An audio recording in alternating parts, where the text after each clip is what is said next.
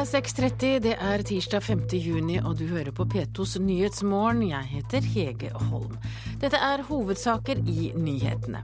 Nytt streikeuttak i Lillehammer vil ramme liv og helse, sier rådmannen.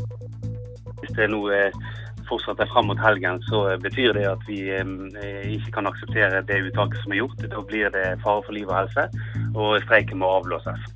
Tungt press på stortingspolitikerne. 70 organisasjoner krever nye klimaforhandlinger. Og det er umulig å bli kvitt ekstremister som Anders Behring Breivik på nettet.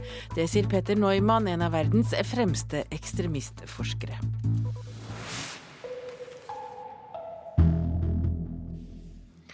Og vi skal eh, starte å snakke om streiken også i denne sendinga. Vi skal til Lillehammer, for over 40% av de ansatte i Lillehammer kommune er nå tatt ut i streik.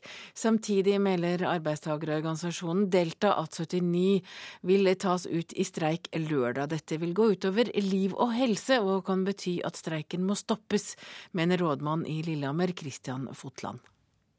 Det betyr at vi, eh, vi, må eh, melde til departementet om at her er situasjonen så alvorlig at eh, det kan gå utover liv og helse. Nå er vi nødt til å følge situasjonen fra time til time, overvåke og vurdere om det skal meldes videre til våre overordnede. Lillehammer-rådmannen mener at det siste varselet om uttak i praksis vil føre til at streiken stoppes, og at det blir tvungen lønnsnevnd. 698 ansatte er alt tatt ut i Lillehammer kommune. Skoler og barnehager er stengt, og kommunens administrasjon går på sparebluss. Foreløpig har kommunen klart å drifte helse- og omsorgssektoren forsvarlig, bl.a. gjennom søknader om dispensasjon fra streiken. Men når 79 nye går ut i streik lørdag, og mange av dem jobber ved et av landets største sykehjem, Lillehammer helsehus, sier rådmannen stopp. Hvis det er noe fortsatt er fram mot helgen, så betyr det at vi ikke kan akseptere det uttaket som er gjort. Da blir det fare for liv og helse, og streiken må avblåses. Bente Rønning er pressetalskvinne for de deltaorganiserte i Lillehammer kommune.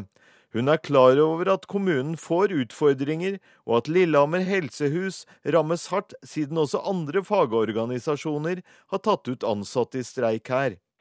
Eh, det vi ikke har oversikt over, er hvor eh, mange av de andre organisasjonene som også har tatt ut på samme sted. Eh, derfor så er det kanskje litt Hadde man vært klar over det, eller hadde man visst det, så kanskje man hadde vurdert det litt annerledes. Men det vet vi jo ikke. Derfor så har vi gjort det sånn. Men jeg skjønner nå at det er eh, at det blir mange på ett sted. Og da er det vel også opp til Da må jo også eh, arbeidsgiver søke om dispensasjon i forhold til det å ivareta liv og helse. Og det er vi og Det er vi klar over, og det, de skal vi ta inn og behandle så fort, fort de kommer inn, for å si det sånn. Streiken i Lillehammer kommune har nå ført til sykemeldinger fra ansatte som er på jobb. Folk er slitne og jobber hardt for å få dette til å gå rundt, sier rådmann Kristian Fotland. Ja, vi har sett det nå i løpet av helgen at, eh, at uh, organisasjonen er tynnslitt. Og de ansatte uh, føler veldig sterkt på ansvaret. Og, men det er klart at uh, når sykemeldingen da også kommer inn, så blir det ekstra tøft for de som er igjen. Ja, Vår reporter på Lillehammer var eh, Arne Trolldalen. Og heller ikke i går klarte partene i vekterstreiken å bli enige om en løsning, og en ytterligere opptrapping ventes allerede i morgen.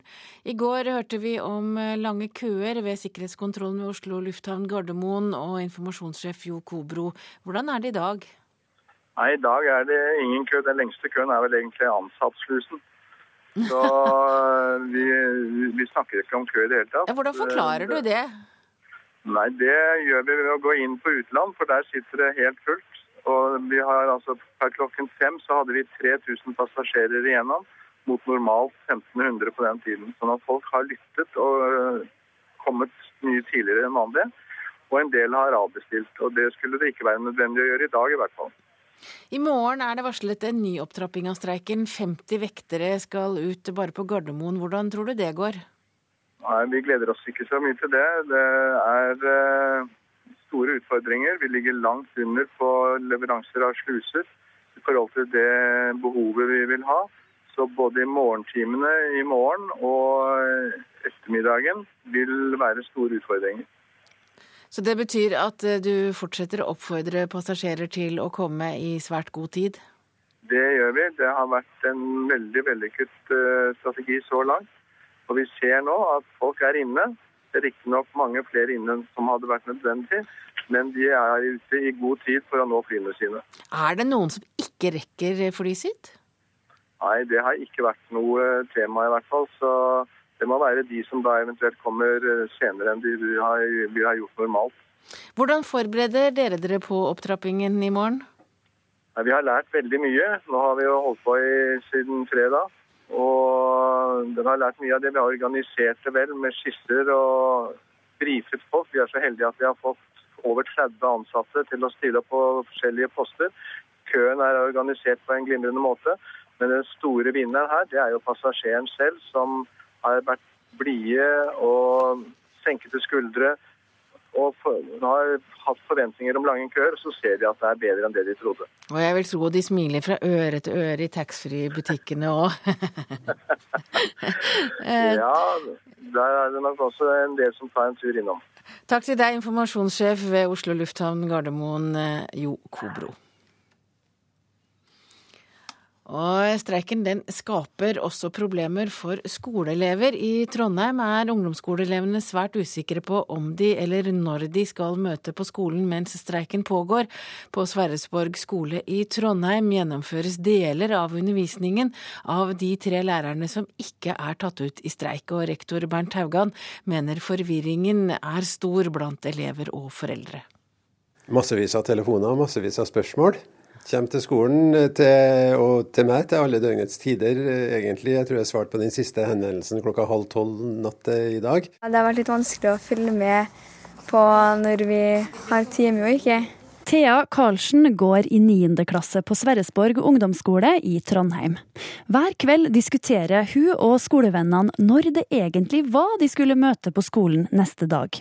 Marit Sjøhaug sier de stoler mest på informasjonen de får via Facebook. Ja, for det oppdateres jo ikke så mye på hjemmesida. Og heller ikke på Ja, det er jo nesten bare Facebook. Så vi prøver å holde kontakt der, da. Dette frustrerer rektor Bernt Haugan. Han mener informasjonen fra skolen er tydelig og tilgjengelig. Vi har dessverre ikke noe egen Facebook-side, men vi har en utmerket hjemmeside. Og vi har også et utmerka system med den læringsplattformen som heter It's Learning, som alle har tilgang til, og som alle er vant til å gå inn på for å finne relevant informasjon. Så de må holde seg til det. Ja, det sa rektor ved Sverresborg skole i Trondheim, Bernt Haugan, og reporter var Randi Lillealteren.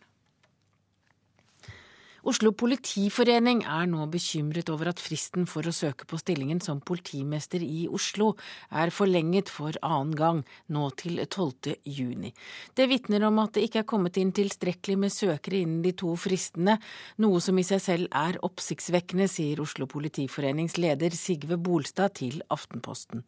Den opprinnelige søknadsfristen var 21. mai. Dagens politimester i Oslo, Anstein Gjengedal, går av 31. august. 70 organisasjoner og fremtredende enkeltpersoner ber nå stortingspartiene gjenoppta klimaforhandlingene. Arbeidet med klimaforliket brøt sammen fredag, og nå øker presset fra tunge interesser som ber partiene sette klima foran internt spill og partipolitikk. Vi mener det er forhandling som må fortsette. Vi er helt avhengige av at vi har en langsiktig og forutsigbar klimapolitikk, uavhengig av åssen regjering som skulle styre etter valget i 2013 eller senere. Silje Lundberg i Natur og Ungdom står i bresjen, side om side med 70 organisasjoner og enkeltpersoner. En samlet miljøbevegelse, kirken, næringslivsorganisasjoner, bistandsorganisasjoner, ungdomspartier og flere tidligere statsråder, blant andre Åslaug Haga. De ber stortingspartiene besinne seg og returnere til klimaforhandlingsbordet. Opposisjonen har lagt flere punkter på bordet som også er gode, som bør bli tatt med i betraktninga. Og så er det også flere av de punktene som regjeringa også har i sin melding, som er gode. Og da når du kombinerer det, så blir det bedre. Biskop Tor Berger Jørgensen er en av flere kirketopper som skriver under med bekymring. Det er ubehagelig at politikerne ikke finner ut av det og hjelper det norske samfunnet videre i, i dette viktige fagfeltet, i dette viktige spørsmålet. Og vi ser med uro på at politikerne ikke greier å prioritere denne oppgaven på en sånn måte at en finner fram til et, et forlik i, eh, i, denne saken. Eh, derfor er eh, jeg og mange med meg innenfor Kirken engasjert også inn i denne konkrete situasjonen vi har nå. En robust klimapolitikk er viktigere enn partipolitikk, sier leder i Unge Høyre, Henrik Asheim. Jo, altså Det er mye større enn partipolitikk, og det er viktig at man får en avtale som står uansett om man får en ny regjering neste år eller ikke. Og Det er det som er viktig med dette, at man får noen tiltak som alle er enige om. Partipolitikken dominerte stort da bruddet var et faktum fredag. Og da oppfatta ikke vi det som en reell vilje til å faktisk bli enige om noe innenfor, eh, innenfor, en ramme som det var mulig for oss å diskutere. Det vil jeg ikke si at våre krav var urealistiske, men jeg vil si at regjeringen hadde problemer med å bevege seg så veldig langt fra sitt opprinnelige standpunkt. Nikolai Astrup får nå denne oppfordringen fra eget ungdomsparti. Ja, Det er å ta kontakt med regjeringen igjen og si at man ønsker å se på om man kan bli enig på nytt. Eh, men da må også regjeringen møte Høyre og Nikolai Astrup på en del av de kravene som vi har stilt. Silje Lundberg i Natur og Ungdom er enig. Klimakrisa er altfor viktig til at det kan lures ned i en debatt om hva som tjener ulike partier best opp mot et valg. Og Arbeiderpartiet, Høyre og Fremskrittspartiet svarer på tiltale i Politisk kvarter på P2 klokka kvart på åtte. Reporter her var Lars Nehru Sand.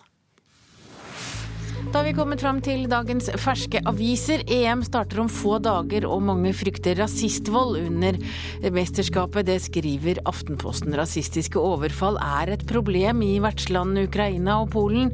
Og Daniel Nanskog skal kommentere fra studio, men han hadde vært bekymret for å bevege seg ut i gatene, skriver Aftenposten. BBC har laget en dokumentar om fotballrasismen som vises på NRK2 i kveld. Arbeiderpartiets partisekretær Raimond Johansen var blant de som sto på Breiviks dødsliste.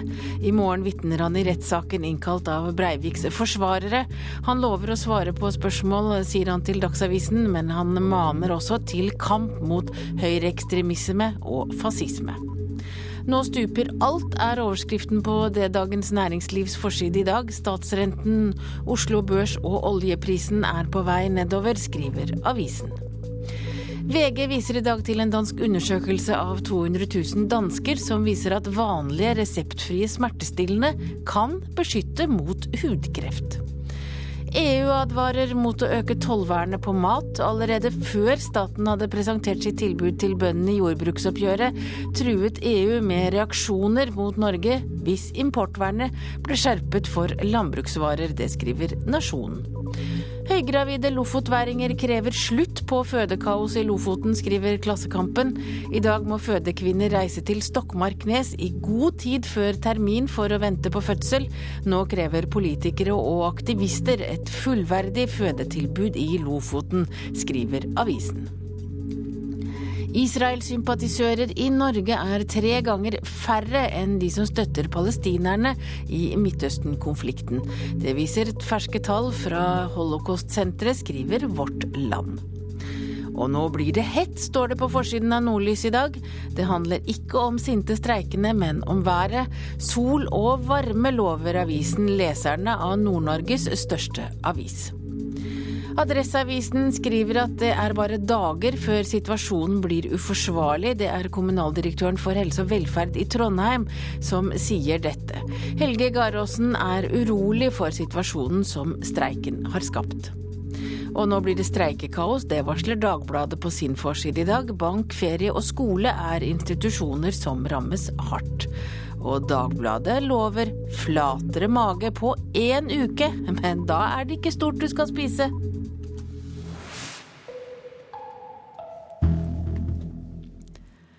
I går kom beskjeden om at Thor Hushovd ikke sykler Tour de France denne sommeren. Istedenfor skal Hushovd nå hvile for å komme i form til sommerens andre store mål, nemlig OL i London. Han er såpass eh, både ærlig og kjenner seg sjøl så godt at eh, han følte at uh, nå var det best at kroppen får litt hvile, og så, og så da heller få ei optimal oppkjøring mot OL og etter hvert VM. Det sier trener Atle Kvålsvold etter at det ble klart at Thor Hushovd velger å stå over sommerens Tour de France. En virusinfeksjon har plaget BMC-rytteren denne våren, og nå skal hvile sørge for at Hushovd finner tilbake formen før OL. Nå blir det jo da å ta ei faktisk uke her, ei uke helt uten sykkel. Jeg begynner med lett trening neste uke, og så normal trening da uka etter det, dvs. Si månedsskiftet eh, juni-juli. Og så blir det da Polen rundt, som blir da etappeløpet før OL, da, som er fra 10. til 16. juli. Sportssjef i Norges Sykleforbund, Steffen Kjærgaard, tror det er en klok avgjørelse å stå over sommerens store treukersritt. Han tror også det kan være med på å øke 34-åringens medaljesjanser i London. Det som er fordelen, eh, som sagt, det er at eh, ved å kjøre Polen rundt, så får man mer eh, moderat oppkjøring og kan styre intensiteten og justere mye mer enn det man får anledning til i Frankrike. Dette, dette her kan risikere å bli en kjempeopptur med tanke på hans muligheter for en optimal oppladning til OL. Spesielt med tanke på den trøblete våren han har hatt, så tror jeg det er mye lettere å justere enn en toppform til OL med med Polen rundt som oppkjøring fremfor Tour de France. Ja, Så får vi håpe at det stemmer. Reporter her var Anders Mjåland. Og Norge er blant kandidatene til å bli ny arrangør for håndball-EM for kvinner i desember, etter at Nederland i går var nødt til å gi fra seg mesterskapet pga. økonomiske problemer. Og nå starter arbeidet med å finne en ny arrangør, og Norge vil bli kontaktet. Det sier president i Det europeiske håndballforbundet, Tor Lian. Jeg vil ikke bli overraska om eh, Norge får et tilbud eh, om å eller kommer i en dialog om å arrangere et, et, et kvinnemesterskap i, i, desember. Etter at Nederland trakk seg som EM-vert i går, må president Tor Lian og resten av det europeiske håndballforbundet ut på arrangørjakt. Og de har dårlig tid. Mesterskapet starter i desember, og øverst på ønskelista til å steppe inn står de store europeiske håndballnasjonene, deriblant Norge. Norge har vært en god arrangør, og dette er et kvinnemesterskap. og Kvinnehåndballen står sterkt i Norge, den står sterkt i Danmark. Danmark. Så det er mange muligheter her. Og reporter her var Simen Sveen. Du hører på Nyhetsmorgen i NRK P2 og Alltid nyheter. Klokka er 6.47, og dette er hovedsaker i nyhetene. Nytt streikeuttak i Lillehammer vil ramme liv og helse. Dette vil departementet få melding om, sier rådmannen. Tungt press på politikerne. 70 organisasjoner krever nå nye klimaforhandlinger. Og det er umulig å bli kvitt ekstremister som Anders Behring Breivik på nettet. Det mener en av verdens fremste ekstremistforskere.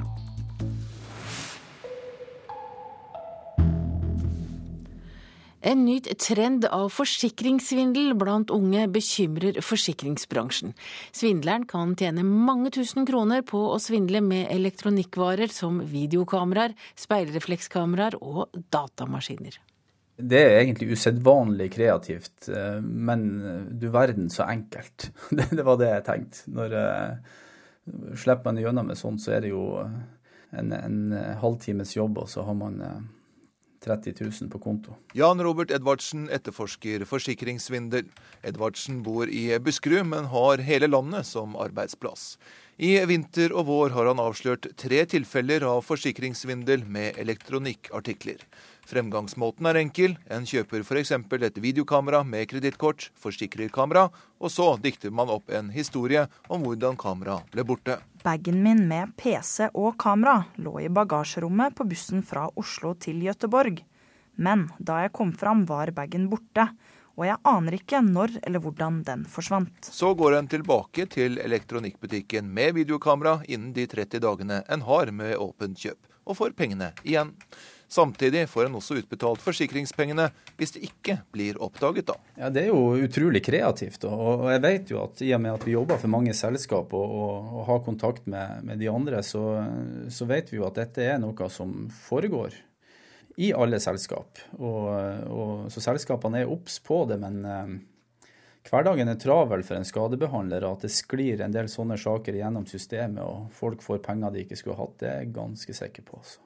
Og det er jo igjen de ærlige kundene som betaler for dette, den kreativiteten, og det, sånn skal det jo ikke være. Jack Frosta, informasjonsdirektør i If Forsikring, sier de er godt kjent med problemet, og at de har stort fokus på fremgangsmåten. En relativt stor andel av disse tingene som vi får inn, av den karakter, det, det, sjekker vi opp ved at vi får fremlagt, eller vi krever fremlagt originalkvittering, og kan da ta kontakt med butikken. og Butikken svarer da også at her er tingene levert tilbake, mens vi sitter med en skademelding om at tingene er stjålet. For å få ut forsikringspenger må en anmelde til politiet. Og at terskelen for å levere en anmeldelse er så lav, bekymrer Frosta. Ja, eh, når man tenker på hvor alvorlig det er å bli avslørt for forsikringsbedrageri. Det er jo en eh, ubetinga fengsel. Eh, gjennomgående ubetinga fengsel. Helt opp til seks år, faktisk. Ehm, og at eh, såpass mange, og det som bekymrer oss, er spesielt de unge, såpass mange unge eh, stiller opp for politiet og anmelder falsk, eh, falsk tyveri. Det syns vi er veldig alvorlig. Åshild Indresøvde, kommunikasjonssjef i Elkjøp, mener de fleste er ærlige. Vi opplever ikke at dette er noen stor utfordring. Folk flest de er ærlige og bruker vår 30 dager akkurat sånn som den er tenkt. Og akkurat den metoden her, det, det sprer seg fort hvis at det, det skjer i, i, et vennemiljø eller i et um, hva som helst slags miljø. Hvis det ene har fått det til, så er det andre som blir frista.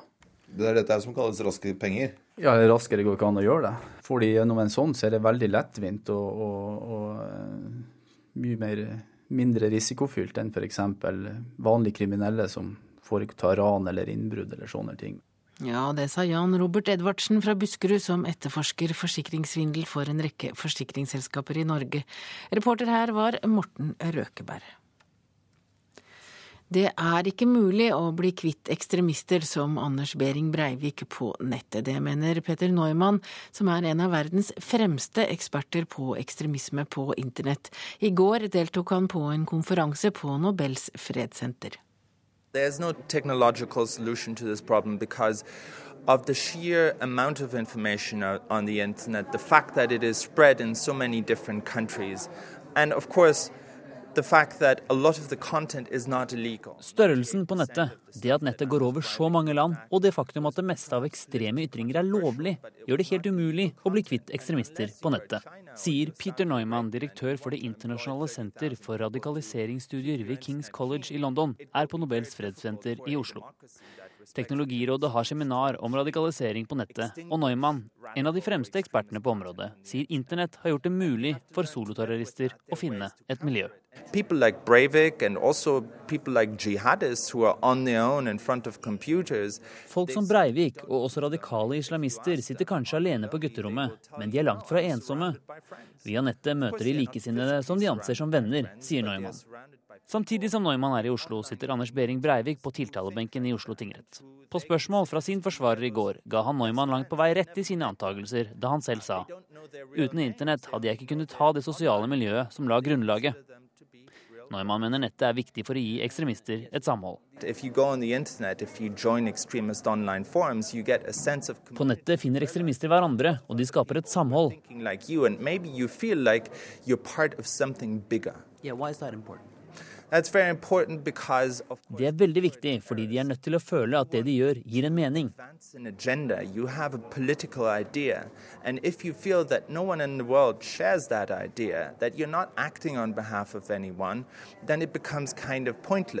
Men samtidig, hvordan skal vi møte de ekstreme på nettet? Og hva skal politiet gjøre? Direktør i Datatilsynet, Bjørn Erik Thon, mener overvåkning er siste utvei. Ja, Det må jo være en uh, veldig høy terskel for at man skal kunne gjøre det. Uh, det er jo slik at uh, det å ha meninger som ikke hører til si det de fleste andre har, og det å ha meninger som går på ytterkanten, det er noe av det folk skal få lov til å ha, uten at de dermed skal havne i politiets søkelys og bli overvåket av den grunn. Ton er redd mer sikkerhet vil gå på bekostning av det åpne, frie samfunn. Ja, altså, jeg tror, jeg tror vi skal begynne å regulere oss inn i et samfunn som er helt trygt. Eh, det er selvfølgelig viktig å gjøre sjansen for at det skal skje terrorhandlinger i Norge igjen så liten som overhodet mulig, men samtidig at vi beholder de verdiene som samfunnet er bygd på. For Hvis vi skal si, eliminere enhver risiko og overvåke oss eh, ut av ethvert problem, så kommer vi til å få et overvåkningsnivå som jeg tror ingen, og det inkluderer nok også politiet, ønsker. Og reporter her var Jonas Haagensen, og det blir mer om denne saken når terrorekspert Brynja Lia fra Forsvarets forskningsinstitutt kommer til Kulturnytt fem over åtte. Facebook eksperimenterer med løsninger for å åpne nettstedet for barn. Selskapet forsøker å finne løsninger som gjør det mulig å slippe til barn gjennom foreldrenes brukerkontoer. Det er det The Wall Street Journal som skriver. I dag må man være 13 for å ha en Facebook-konto, men i fjor viste en undersøkelse at det allerede finnes 7,5 millioner barn under 13 år på nettsamfunnet. Da har vi kommet fram til et værvarsel her i P2s Nyhetsmorgen. Østafjells og fjell i Sør-Norge, Vestlandet og Trøndelag, der er det streik i værvarslinga, så derfor heller ikke noe værvarsel. Men Helgeland og Saltfjellet, der ventes det delvis skyet, periodevis med sol. Enkelte regnbyger i indre strøk. Salten og Ofoten. Enkelte regnbyger i indre strøk, i ytre strøk perioder med sol, delvis skyet. Troms nordøstlig liten kuling i ytre strøk, periodevis stiv kuling i nord. Lettskyet og lange perioder med sol. I indre strøk litt mer skyet. Fra i ettermiddag enkelte regnbyger i indre strøk. Kyst- og fjordstrøkene i Vest-Finnmark. Østlig periodevis stiv kuling i ytre strøk. Fra ettermiddag minkende. Lettskyet, lange perioder med sol. Finnmarksvidda lettskyet pent vær, til dels eh, skyet og litt regn utpå ettermiddagen. Øst-Finnmark på, eh, på, kysten delvis skyet eller, eller ellers lettskyet og lange perioder med sol. Spitsbergen delvis skyet, litt regn eller sludd i nord. Og Nordensjøland på Spitsbergen, der ventes det delvis skyet. Og det var et værvarsel for Nord-Norge som gjelder fram til midnatt.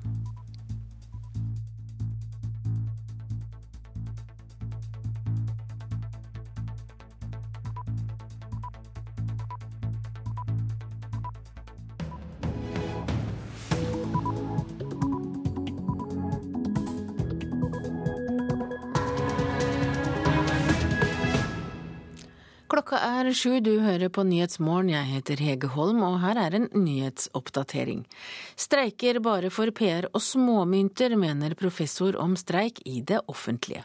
Det er viktig å få kommunisert budskapet uten at det nødvendigvis klarer å oppnå store resultater. Ja, Det sa økonomiprofessor ved Norges handelshøyskole Kjell Salvanes. Pårørende og etterlatte etter 22.07-terroren retter formell klage til Erstatningsnemnda. Ved at staten ikke betaler mer enn kroner null, så sender man et signal om at den barmhjertige samaritan er begravet. Staten eh, hjelper ikke de som hjelper andre. Og dette sa bistandsadvokat Skjåk R. Håheim. Tungt press på politikerne, 70 organisasjoner krever nye klimaforhandlinger. Vi er helt avhengige av at vi har en langsiktig og forutsigbar klimapolitikk, uavhengig av åssen regjering som skulle styre etter valget i 2013 eller senere. Det sa leder i Natur og Ungdom, Silje Lundberg. Og det er umulig å bli kvitt ekstremister som Anders Behring Breivik på nettet. Det mener en av verdens aller fremste ekstremistforskere.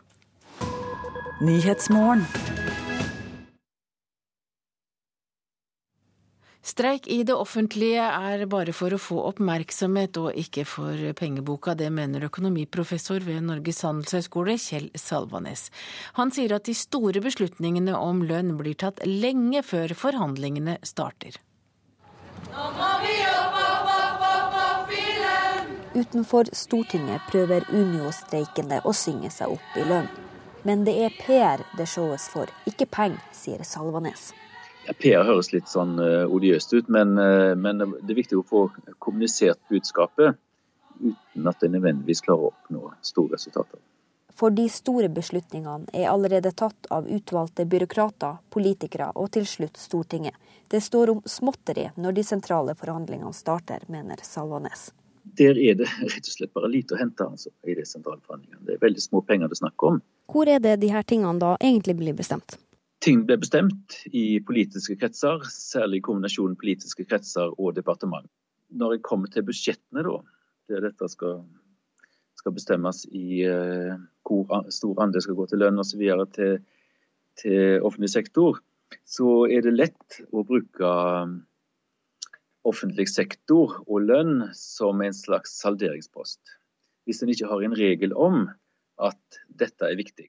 Vi streiker for å eh, få mer og Sier Unio-leder Anders Folkestad. I staten er det bare Unio som streiker nå. Folkestad vet det er lite å hente. Det er krevende å få et uh, bedre resultat. Økonomiprofessor Salvanes tror arbeidstakerorganisasjonene er fullt klar over at det ikke er store penger å hente når de setter seg ned for å snakke lønn. Antagelig er det veldig vanskelig da, å komme inn i de kretsene der, uh, der en får forhandle direkte med politikere og med å få så å si, informert byråkrater om dette. Det er ikke at en ikke nødvendigvis ikke har forstått det, men det er vanskelig å komme inn i de områdene der disse beslutningene blir tatt. Og det sa altså Kjell Salvanes til reporter Kristine Svendsen. Og vi har med oss Kristine Nergård, du er forsker ved Fafo. Og vi hører altså her at Salvanes mener at det er ikke så mye pengene det er snakk om når de nå fortsetter å streike. Hva tenker du om det? Jo, det er nok ganske mye penger. Det er klart at det som ligger har ligget til grunn i år, har jo vært hvor mye får man i privat sektor, og det at offentlig sektors organisasjoner vil ha noenlunde det samme. Og selv om det ikke er så fryktelig mye i årets oppgjør, så er jo det et prinsipp som over tid kan gi en god del penger i lommeboka. Ja, Tror du at det vil gjøre det? Jeg tror vel Altså Det er klart at Vi har jo fått et lønnsoppgjør som ligger eh, litt over 4% i staten i år, og vi har en ganske lav eh, prisstigning. Så det er jo et godt oppgjør tross alt. Og dette prinsippet som man nå da har fått ned protokollført, at man skal se på lønnsutviklingen for arbeidere og funksjonærer i privat sektor i forbindelse med neste års lønnsoppgjør oppgjør er nok også viktig. Ja, for det sier jo eh, bl.a. Arne Johannessen i dag, at det er viktig å vise muskler nå. Og det er lenge siden det har vært en storstreik i det offentlige, og, nå, og det også med tanke på signaleffekten for senere lønnsoppgjør. Det er i hvert fall lenge siden det har vært en storstreik i staten. I kommunene har vi jo hatt det. Men det er helt klart at man flytter ikke fryktelig mange penger i forbindelse med en enkeltstreik. Men man eh, markerer seg i forhold til neste eller kommende års lønnsoppgjør. Det er jo rutiner. Man forhandler jo hvert år, slik at eh, det å knesette noen sånne prinsipper oppleves nok som viktig for de organisasjonene. Ja, Hvor mange penger er det egentlig snakk om? ja, nå får jo de statsansatte da fra 12 til drøye 20 000 i et generelt tillegg, og så vil noen få noe ekstra fordi at stillingen justeres opp, og noen vil få eh, også uttelling i de lokale forhandlingene. Slik at for den enkelte så kan det jo fort bli en del penger. Hvis vi snakker om altså offentlig sektor har mange ansatte, mange lønn, eller med mange, med mange kroner i lønn, så da snakker vi jo om en god del milliarder. Men kan lønnen til de offentlig ansatte bli en salderingspost når budsjettet skal legges, slik Salvanes sier her? Ja, i hvert fall ikke. Altså, nå har vi jo etterspørsel etter arbeidskraft, og vi har hatt en vekst i offentlig sektor. Sånn at jeg tror ikke det er noe den enkelte vil oppleve, i hvert fall ikke. Men er det i det hele tatt noen mulighet for de offentlig ansatte å nå industriarbeidermålet de har satt seg? Nå er det ikke industriarbeidermålet de har altså satt seg, det er jo funksjonærene som de gjerne vil nå. Og det å gjøre store endringer i det som kalles relative lønnsforskjeller, da, slik at noen grupper f.eks. i offentlig sektor skal få veldig mye mer enn de andre, det er lite realistisk. Men allikevel så, så, tror du at ved at de nå fortsetter streiken, selv om de sier at de vet at det er vanskelig å få ut så mye mer penger, så er det, så er det ting å oppnå? Det skal ikke jeg ha sagt. Nå tror jeg ja, man oppnådde, i hvert fall i staten, å få knesatt et prinsipp og få markert et syn som man tar med seg inn i de neste oppgjørene. Det å fortsette streiken utover dette her, særlig i staten, det tror jeg nok ikke gir noe særlig penger. Bør organisasjonene prøve å påvirke tidligere enn det de gjør nå for å få et bedre resultat? Så jeg tror vel at uh, Altså Hvis man skal oppnå noe sånn skikkelig løft, f.eks. sånn som politiet fikk for et par år siden, så må man bytte i noe. Da må du f.eks. Eh, bytte lønn mot eh, det å jobbe flere helger, eller det å gå god for en type arbeidstidsordning. Og da snakker vi om liksom at man, en gruppe skal ha uh, atskillig mer enn de andre i et lønnsoppgjør. Men utover det så tror jeg vel at det er å på en måte knytte seg til eh, lønnsveksten i privat sektor, det å insistere på at dette her gjelder ikke bare arbeidergruppene, men også funksjonærgruppene, at det er det som er strategien man følger. Takk til deg, Kristine Nergård, du er forsker ved Fafo. Og reporter Ole Marius Rørstad, du har nå fulgt litt med på hva som kan bli konsekvensene av opptrappingen framover. Og flytrafikken først, hva vil skje der i morgen? Så det er jo allerede ganske store konsekvenser på de fleste flyplassene i landet, sånn som det er nå. Men eh, det er altså varsla en ytterligere opptrapping eh, på flere flyplasser fra i morgen. og eh, jeg prata nettopp med forbundsleder i Norsk Arbeidsmannforbund, Erna Hagensen. Ehm, de som organiserer disse vekterne som eh, har blitt så mye omtalt i det siste. og eh, Hun forteller at de har store planer for morgendagen. Eh, I morgen så har vi tenkt å trappe opp streiken. Vi tar ut da Førde og Leknes flyplass. Samtidig så trapper vi opp på noen andre flyplasser hvor vi tar ut flere vektere. Bl.a. på Gardermoen tar vi ut nå 50 nye. I tillegg så blir det også en opptrapping av ordinære vektere fra Trondheim og nordover. Hvor nær er partene? Altså, de hadde jo et møte i går kveld eh, i forlengelsen av et møte på søndag eh, hos riksmegler Kari Gjesteby. Og selv om Det de, det, førte jo ikke fram til dette møtet. her, og, og Hagensen sier jo til meg også at de står veldig langt unna hverandre. Eh, men samtidig så forteller hun at eh, streikeviljen blant vekterne den er absolutt på topp. Ja, det, det er den. De er nå lei å være lavtlønt og aldri komme videre. De har altså så lav lønn at de nesten ikke klarer å leve av. Og det vil de ikke være med på lenger. Hvordan står det til med trafikken på Oslo lufthavn i dag? Vi har hørt Jo Kobro tidligere i dag som forteller at eh, til tross for situasjonen så går det ganske fint. De har ikke noe eh, store problemer. Han er jo riktignok eh, bekymra for morgendagen og, og mangelen på vektere der, at det kommer til å føre til redusert bemanning og alt sånt der. Så det er jo varsla at både Gardermoen kommer til å slite, i tillegg til i Stavanger, Bergen, Trondheim og eh, spesielt i Bodø og Tromsø, der den faktisk stenger relativt tidlig på dagen. Men i dag så flyter det forholdsvis greit enn så lenge.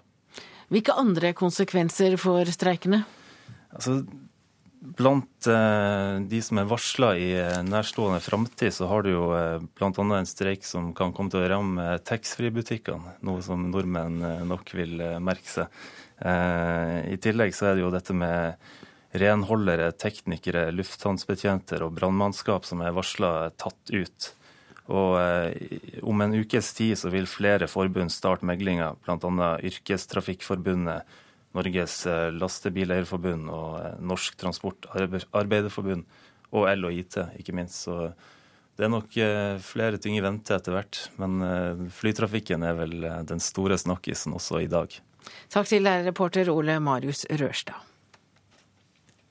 Pårørende og etterlatte etter 22.07-terroren retter nå formell klage til Erstatningsnemnda. Sent i går kveld ble det kjent at terrorofre og pårørende får under halvparten av erstatningsbeløpene som de i utgangspunktet krevde.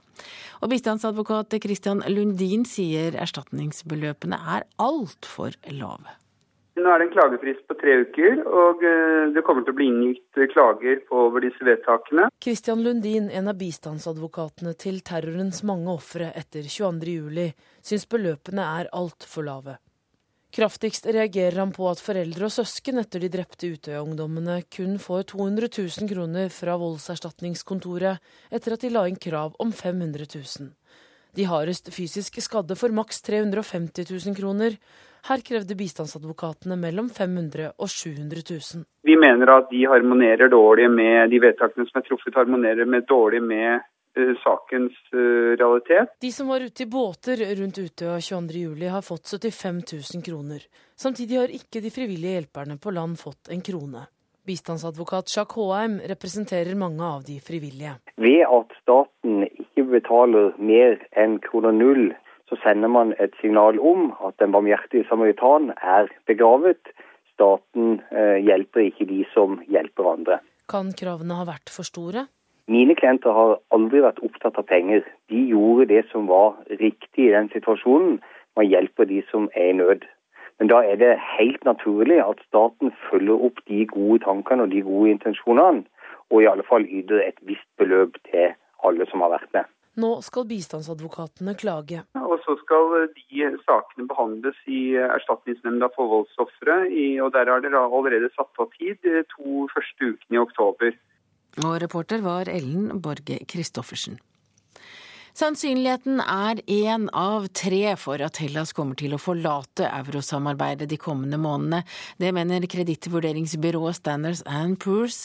Hellas kan komme til å avvise kravene om budsjettkutt som er stilt for nødlånene fra EU og IMF etter valget 17.6. Det vil i så fall bety at lånene trekkes tilbake, ifølge byrået. Kostnadene for å eie og kjøre bil har aldri vært høyere, og øker mer enn prisstigningen.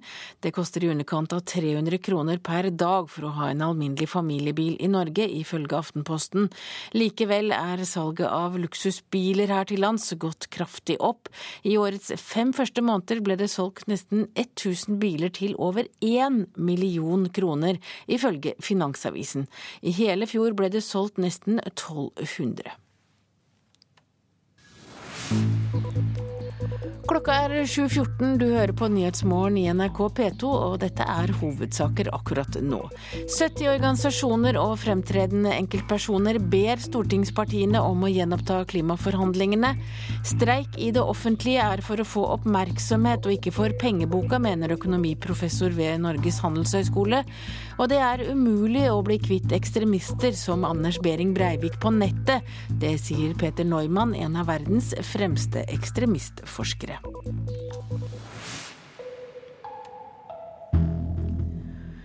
Russlands president Vladimir Putin har innledet et tre dager langt besøk i Kina. Samtidig går Kinas FN-ambassadør ut og beskriver situasjonen i Syria som kritisk. Syria står ved en avgjørende korsvei og er en av de mest presserende sakene Sikkerhetsrådet har på bordet, sa Kinas ambassadør til FN, Li Baodong. Utspillet kommer samtidig med at de to landenes toppledere skal ha samtaler. Der vil energi stå øverst på agendaen, men det er også ventet at Syria blir et viktig tema. Russlands president Vladimir Putin landet i Beijing i morgentimene i dag. Det er hans første besøk i landet etter at han igjen ble president. Putin skal ha møter senere i dag med president Hu Jintao. Russland er verdens største energiprodusent og Kina den største forbrukeren. De to håper å avslutte en gassavtale etter flere års forhandlinger. Men krisen i Syria er også ventet å bli tema.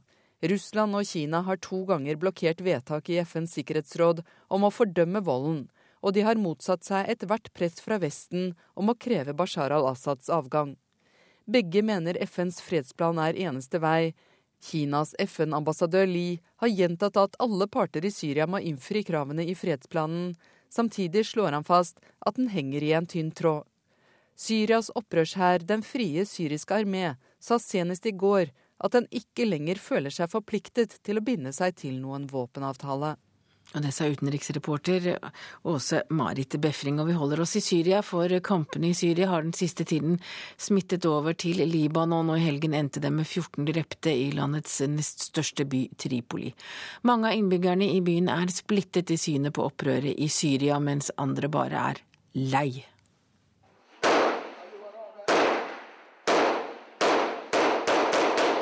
Det er kamper som dette som gjør at en gruppe kafé- og butikkarbeidere i Tripoli nord i Libanon nå har fått nok og går til aksjon.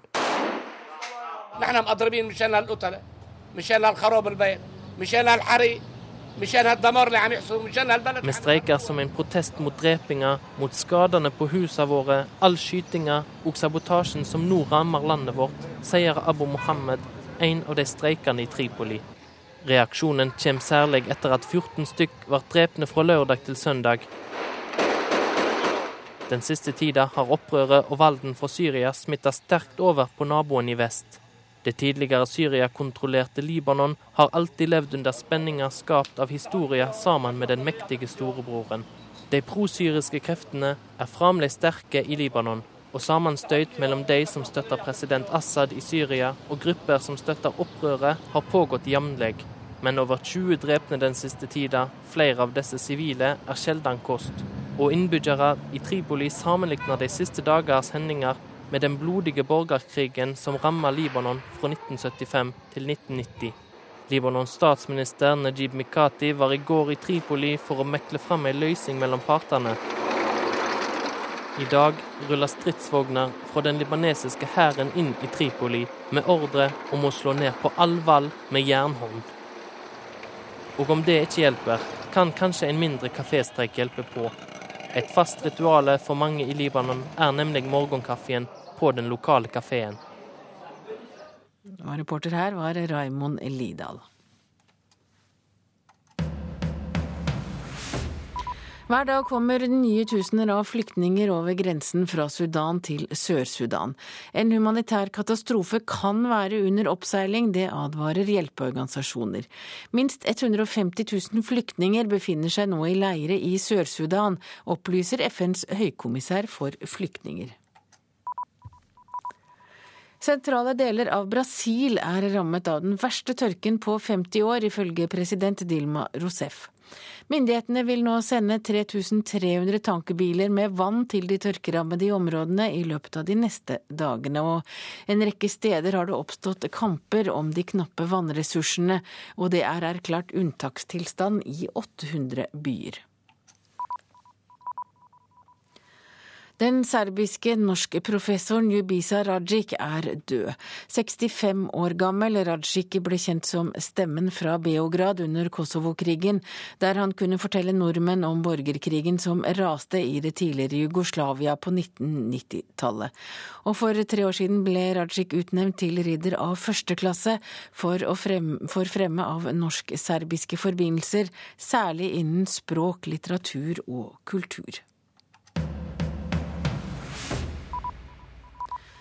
I dag skal velgerne i den amerikanske delstaten Wisconsin avgjøre om de vil tilbakekalle den omstridte guvernøren Scott Walker. Det omtales som USAs nest viktigste valg i år.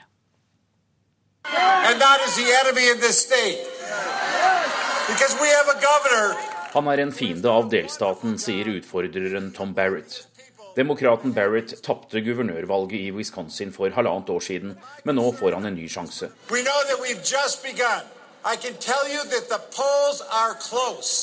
Dette er det tredje tilbakekallingsvalget i USAs historie. Sist var i California, da velgerne sparket guvernøren og ga makta til Arnold Schwarzenegger. Valget i Wisconsin følges nasjonalt og ses på som en test før presidentvalget i høst. Aldri før har det vært spyttet så mange penger inn i en valgkamp på delstatsnivå. Interessegrupper utenfor Wisconsin peprer også velgerne med reklame, og i valgkampen deltar de største politiske kanonene fra begge partier, bortsett fra presidenten selv. Meningsmålingene viser at den sittende guvernøren Scott Walker leder med mellom 3 og 6 prosentpoeng. Det er få som oppgir at de ikke har bestemt seg, og utfallet avhenger av hvor mange som møter opp.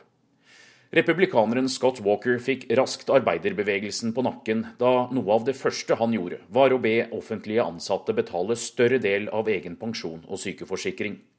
For å håndtere et enormt budsjettunderskudd satte han et tak på hvor mye lønningene kunne øke, og han fjernet også arbeidernes rettigheter til kollektive forhandlinger.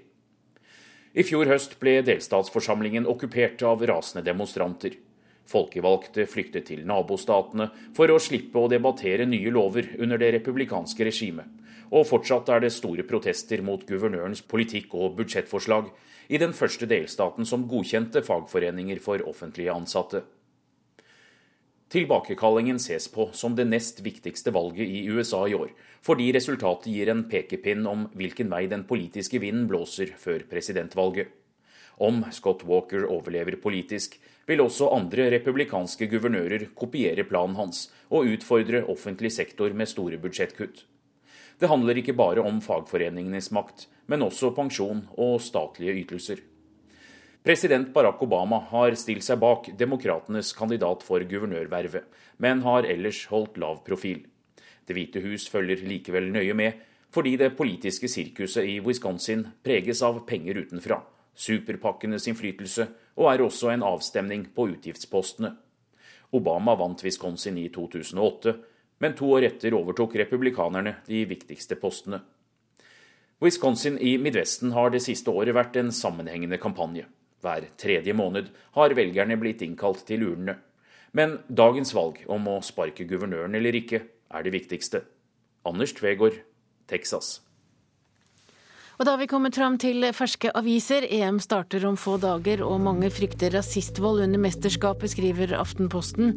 BBC har laget dokumentar om fotballrasisme som vises på NRK2 i kveld.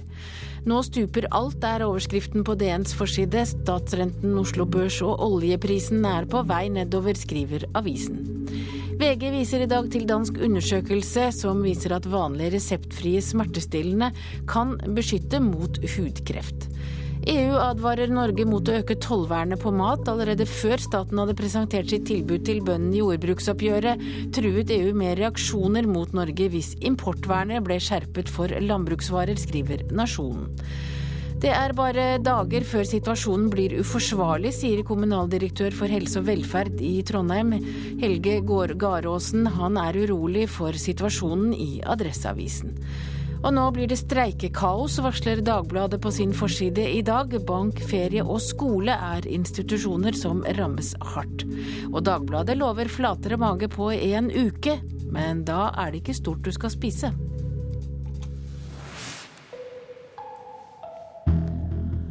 Ja, tenk deg at du kommer på en veldig god idé, og om noen vil bruke millioner av kroner på at ideen din skal bli virkelighet.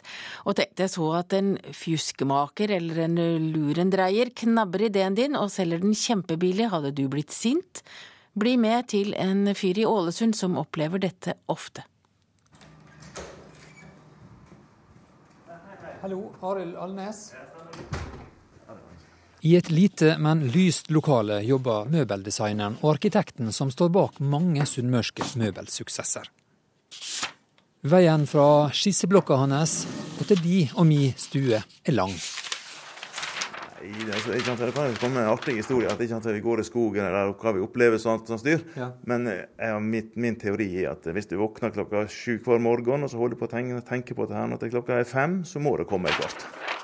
Altså Du kan ha en flaks en gang iblant og så få en tanke som kommer ut av ingenting. Men utgangspunktet er design og all kreativt arbeid. Knallhardt arbeid. Du har tegna en stol som er et ynda objekt for herming. Ja, Deltastolen. Ja. Jeg har ikke tegna den alene, men den er tegna sammen med Helge Taraldsen.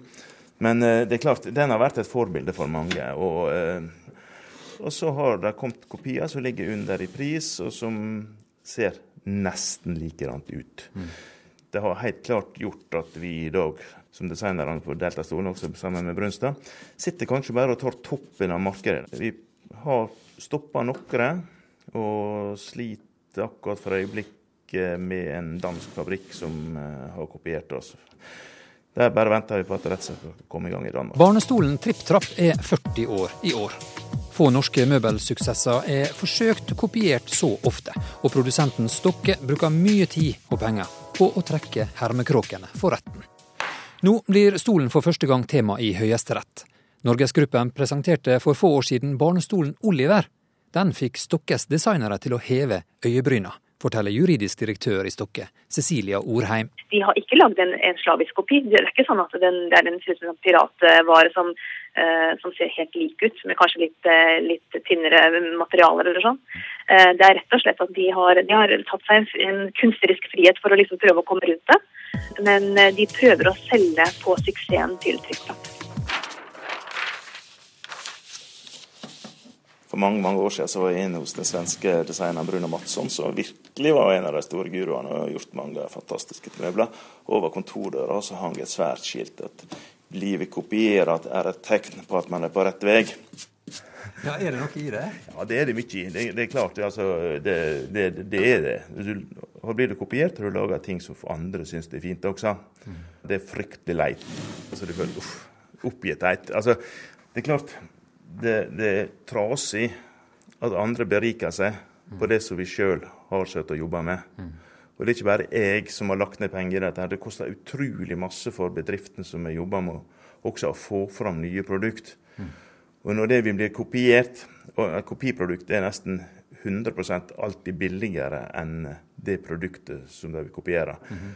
Og Da skaper de alltid uro og støy i markedet. Og um, det er veldig, veldig trasig. Er det viktig at disse sakene blir forfulgt? Ja, det er det. Men eh, det er et tungt marked å slåss i. Du skal ha mye tid, og du skal bruke mye penger på det. Det er tungt å føre rettssak, og det er krevende og energikrevende. Så du kan nesten lure på om det er verdt det, altså. Men eh, som et tid så gjør det godt for sjøltilliten å, vinne en sånn sak i ny og ne. Men nå sitter du foran skjermen her og designer et nytt bord. Eh, er du sikker på at ikke du har kopiert dette fra noen andre, eller tenker du tanken av og til? Nei, Du kan jo aldri være 100% trygg. Det kan godt være en smarting som har gjort noe, noe lignende før. Ja. Det vet du aldri. Mm. Det bor en, bare en, en plate som kan holdes 50 cm oppe fra bakken. så, så, at noen kan ha gjort det samme før, vet du aldri. Og møbeldesigner Arild Alnes fortalte det til eh, Og her var altså Pål Christian Linseth også. Da er eh, denne delen av Pettos Nyhetsmorgen over. I den neste halvtimen får du Dagsnytt ved Silje Sande. Og etter Dagsnytt skal du føre at stormaktene nå sliter med å få til en felles linje overfor blodbadet i Syria. I Politisk kvarter skal det bl.a. handle om klimaforlik. Jeg heter Hege Holm, produsent Elin Pettersen.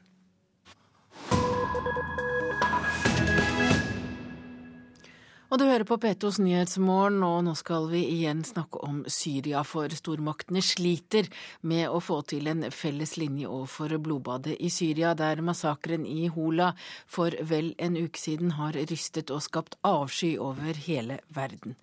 Den diplomatiske utvekslingen mellom øst og vest er hektisk, men stadig helt resultatløs.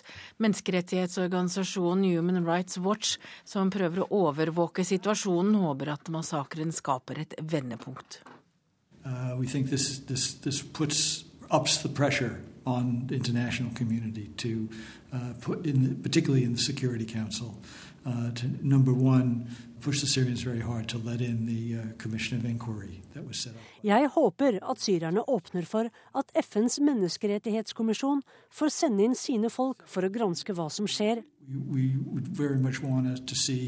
Uh, uh Og så håper vi på handling internasjonalt for å bringe de ansvarlige til Den internasjonale krigsforbryterdomstolen. Det sier Joe Stork, ansvarlig for Midtøsten og Nord-Afrika i Human Rights Watch. Mens verden roper ut sine protester og sin avsky, fortsetter kampene i Syria. Nye videoer legges ut på nettet av aktivister hver dag.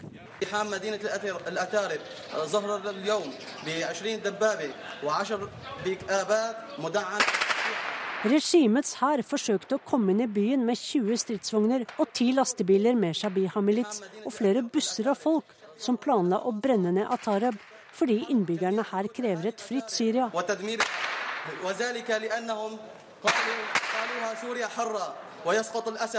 Ned med Assad, roper denne opprørssoldaten fra den frie syriske hæren. Organisasjonen Human Rights Watch forsøker så godt den kan å få opplysninger om menneskerettighetsbrudd i landet.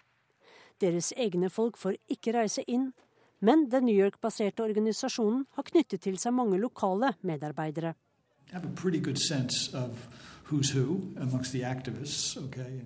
Vi samarbeider med folk vi stoler på, og som vi vet ikke overdriver. Vi jobber som journalister gjør, samler inn informasjon og forsøker å verifisere den, forklarer Stork. Et positivt tegn i all volden, mener han, er tross alt at FN-observatørene fikk komme så fort til Hola, slik at de fikk en oversikt over ugjerningene og antall ofre. Men har ikke FNs observatørkorps feilet når de må telle antall døde barn som har fått strupen skåret over, i stedet for å overvåke en våpenhvile, spør jeg. Uh, jeg vil ikke kalle FN-observatørene for en fiasko, for det er viktig å få dokumentert forbrytelsene, sier Stork til NRK. Etter utallige resolusjoner og oppfordringer fra ledere verden over, tyder mye på at det eneste språket president Bashar al-Assad forstår, er militær maktbruk. Once a war starts or once a war expands, it's very hard to know how it's going to end. Joe Stork er usikker på hva som kan komme ut av en militær intervensjon. Han er derimot mer opptatt av at russerne må innse at tiden for støtte til Assad-regimet er over. I don't think it's economic interest in the sense that they're making a lot of money from it, but it's, uh, you know, it's a, they've made an investment, a political investment. De har investert politisk i sitt forhold til syrerne. Men for russerne er det vel et prestisjetap å snu. Right, which is why it's uh, so important to be documenting uh, what their allies are, are up to and just you know, increase the pressure, increase the shame. They're, they're obviously very hard to move. They don't want to move, uh, but that's not to say they can't be moved. Var reporter Sissel, det var reporter Sissel Wold som hadde møtt Joe Stork. Du hører på P2s Nyhetsmorgen. Klokka er 7.44, og dette er hovedsaker akkurat nå. Nytt streikeuttak i Lillehammer vil ramme liv og helse. Dette vil departementet få melding om, sier rådmannen. Tungt press på politikerne. 70 organisasjoner krever nå nye klimaforhandlinger. Og det er umulig å bli kvitt ekstremister som Anders Behring Breivik på nettet. Det mener en av verdens fremste ekstremistforskere.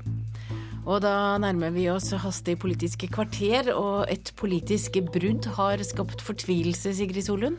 Politikerne på Stortinget skylder på hverandre for at det ble brudd i forhandlingene om et bredt klimaforlik. Nå blir det bedt om å legge stolthet og strategi til side for klimaets skyld.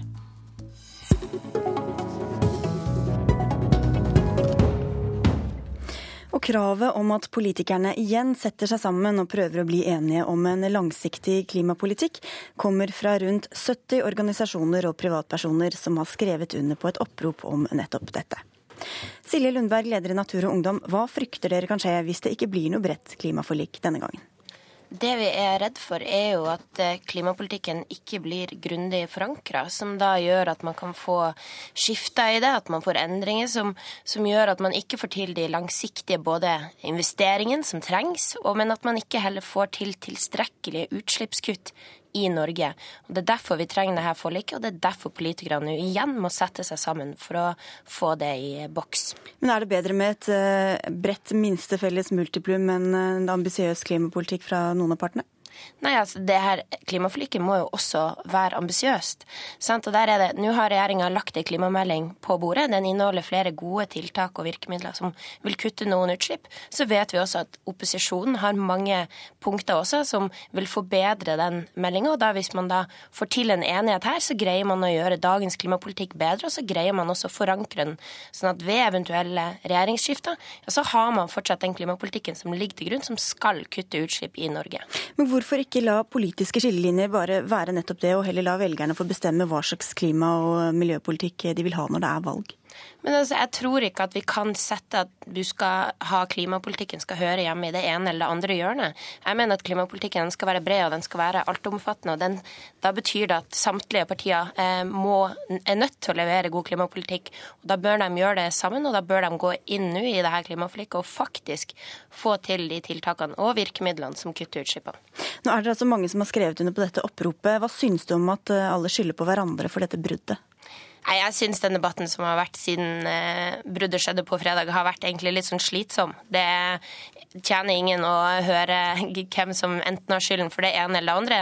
Det som folk er interessert i, er å se faktisk eh, handling fra politikere. og da nytter det ikke med det her eh, blame-gamet som har vært. Så derfor håper jeg at eh, man nå kommer seg over det og igjen kan sette seg ved forhandlingsbordet. Vi har eh, tre personer, personer fra energi- og miljøkomiteen på Stortinget her, sentrale mennesker som vi kan høre om de lar seg overtale. Marianne Martinsen fra Arbeiderpartiet, vil dere sette dere til forhandlingsbordet?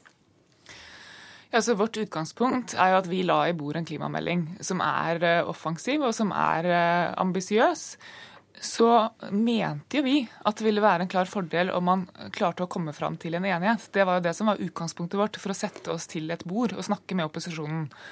Eh, vi hadde ei melding eh, i bordet som ble tatt godt imot av miljøbevegelsen, av industrien, eh, og til og med talsmenn for opposisjonen uttalte seg positivt om den.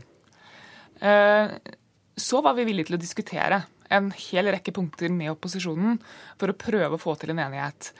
Men vi ble møtt med en kravliste, helt uprioritert, som summerte seg til flere hundre milliarder kroner. Og Det er klart at, eh, at, eh, det er mange som kanskje har manglende forståelse for at det, eh, det, er vanskelig. Men et parti som Høyre burde forstå det. At da har man okay, ikke grunnlag Men det, det, var ikke svar på spørsmålet mitt. Er dere villige til å sette dere sammen igjen? Nei, altså da, da, vi gikk fra hverandre på fredag, så var det rimelig åpenbart for oss at her fantes det ikke vilje til å bli enige. Her var det et partipolitisk spill, et, et ønske om å markere avstand til oss, finne enighet mot Frp framfor mot regjeringspartiene, som var det dominerende. Eh, og Det ble veldig tydelig illustrert av at man hadde, hadde nærmest arrangert pressekonferanse før bruddet var et faktum. Eh, men, eh, men, men Da må jeg spørre for tredje gang. Er dere villige til å sette dere sammen og se om dere kan bli enige? Altså, dersom det kommer en kravliste fra opposisjonen som ser annerledes ut, så er det ikke sånn at vi nekter å snakke med noen. Men det jeg konstaterer, er at, er at avstanden var stor på fredag. Og så er det greit å ha med seg her også at, at det er jo ikke sånn at vi som regjeringspartier har sittet og, og, og forhandla mot én motpart. Vi har jo både måttet forholde oss til eh, Høyre, KrF og Venstre, men også Frp på sida, som jo legger helt andre krav i bordet. Nå har vi Per-Willy Amundsen her, som jo har brukt mye tid i debatter på å så tvil om menneskeskapte klimaendringer i det hele tatt fins. Og da er det klart at da har man et vanskelig utgangspunkt for å bli enig. Ja, jeg vet ikke om vi ble noe klokere av det. Vi prøver å snakke litt kortere og litt mer eh, svare på spørsmålet. Nikolai Astrup fra Høyre, det var, dere satt og kranglet der på fredag om hvem som hadde skylden. Er dere villige til å gjenoppta forhandlingene? Det står ikke på viljen hos oss. Og jeg vil understreke at jeg syns for det første det er litt utidig av Marianne Martinsen å påstå at det er et politisk spill. Det var et, en reell vilje fra, fra, opposisjonen til å forhandle, og jeg som forhandlingsleder eh, fremmet også felles krav på vegne av alle de fire opposisjonspartiene. Eh, og vi strakte oss langt eh, for å komme opp regjeringen i møte. Eh, og da blir det på en måte litt meningsløst å komme trekkende med noen lekkede krav som NRK satt med for et par ja, uker siden. Men, det, men, lytter dere til disse organisasjonene vi, og vil sette dere sammen igjen? Vi, vi strakk oss meget langt. Eh, og, eh, og dersom regjeringspartiene hadde vært villige til å strekke seg noe lenger, så er jeg helt sikker på at vi hadde kommet til enighet. Ja, Men det var ikke det som var spørsmålet. Jeg spurte om dere er interessert i å sette dere ned og se om dere også kan fire på kravene. Altså For det første, så Ja, jeg, som sagt, det står ikke på viljen hos oss. Eh, men eh, det må jo bety at vi har noe å snakke om. Og det må bety at regjeringspartiene er villige til å bevege seg noe mer enn det de var på fredag. Fremskrittspartiet var ikke med i det forrige klimaforliket, men deltok i innledende runde, for å si det sånn, denne gangen. Per-Willy Amundsen, eh, hva skal til for at dere går tilbake til forhandlingene? Nå var vi med på forhandlinger helt frem til regjeringspartiene ikke ville bidra med mer på fredag. Så det var ikke bare de innledende forhandlingene. Eh, men, men, I tilfelle det blir flere, så var det det innledende. men for å si det sånn, eh, vi har hele tida lagt til grunn og vært veldig åpne og ærlige på hva vi ønsker av en ny, en ny omforent løsning i Stortinget. Eh, vi har vektlagt hele veien at vi vil bekjempe påbud, forbud, avgifter, nye utgifter som veltes over på innbyggerne. Men det lar seg altså kombinere med en fornuftig klimapolitikk som fremmer samfunnsmessig gode tiltak Eh, og som ikke ensidig baserer seg på, på, på å si pisk. Vi ønsker mer gulrot, og det, det, er vårt utgangspunkt i disse forhandlingene. Men det virker ikke som dere hører hva jeg spør om. Jeg spør om dere er interessert i å sette dere ned, og hva sannsynligheten er for at det kommer til å skje? Altså, Vi er villige til å diskutere, eh, og vi skal gjerne være med på å, å, å ta en, en, diskusjon. Men jeg oppfatter jo at uh, Også om de kravene dere kom med? Men her, jeg oppfatter at nå ligger ballen på regjeringspartiene sin banehalvdel. De Eh, var ikke villige til å eh, møte eh, våre krav. Og da mener jeg det er helt naturlig at de kommer med et nytt tilbud. Martinsen? Ja, altså Nå er vi jo tilbake på ordinært komitéarbeid. Uh, og, det er jo ikke sånn at landet står uten en klimapolitikk, uh, selv om man ikke har oppnådd uh, bred enighet. Jeg er sikker på at vi kommer til å bli enige om ganske mye, men det ser, det ser, dårlig ut med en full enighet. Så det var ikke så viktig å få et bredt klimaforlik i denne omgangen, da? Jo, vi mener at det ville vært en fordel. Men det er klart at klimaforliket fra 2008 ligger i bånn. Det var ikke et helt nytt forlik man skulle forhandle nå. Det er oppfølginga av de målsettingene som alle ble enige om i 2008, og de ligger der. Og klimameldinga er offensiv og god på å møte det. Og så mener jeg at det, det Amundsen sier her, er veldig illustrerende for, for utfordringa med å prøve å bli enige. Altså, det må være en helhet i klimapolitikken. Og det å bare diskutere pengebruk og bruk av gulrøtter uten å være villig til å, være, være villig til å ta ansvar for en helhet som også innebærer restriktive tiltak, gjør at en enighet eh, ser ganske fjern ut. Men her har jo sett eh, regjeringspartiene sin utfordring. fordi at når argumentasjonen mot klimaforlik går på pengebruk og handlingsregel, så er det veldig vanskelig å tro og forstå eh, den retorikken som dere står for. Altså i hvert fall Deler av eh, regjeringspartiene bruker en argumentasjon rundt klima som, som handler om en nesten dommedagsbeskrivelse.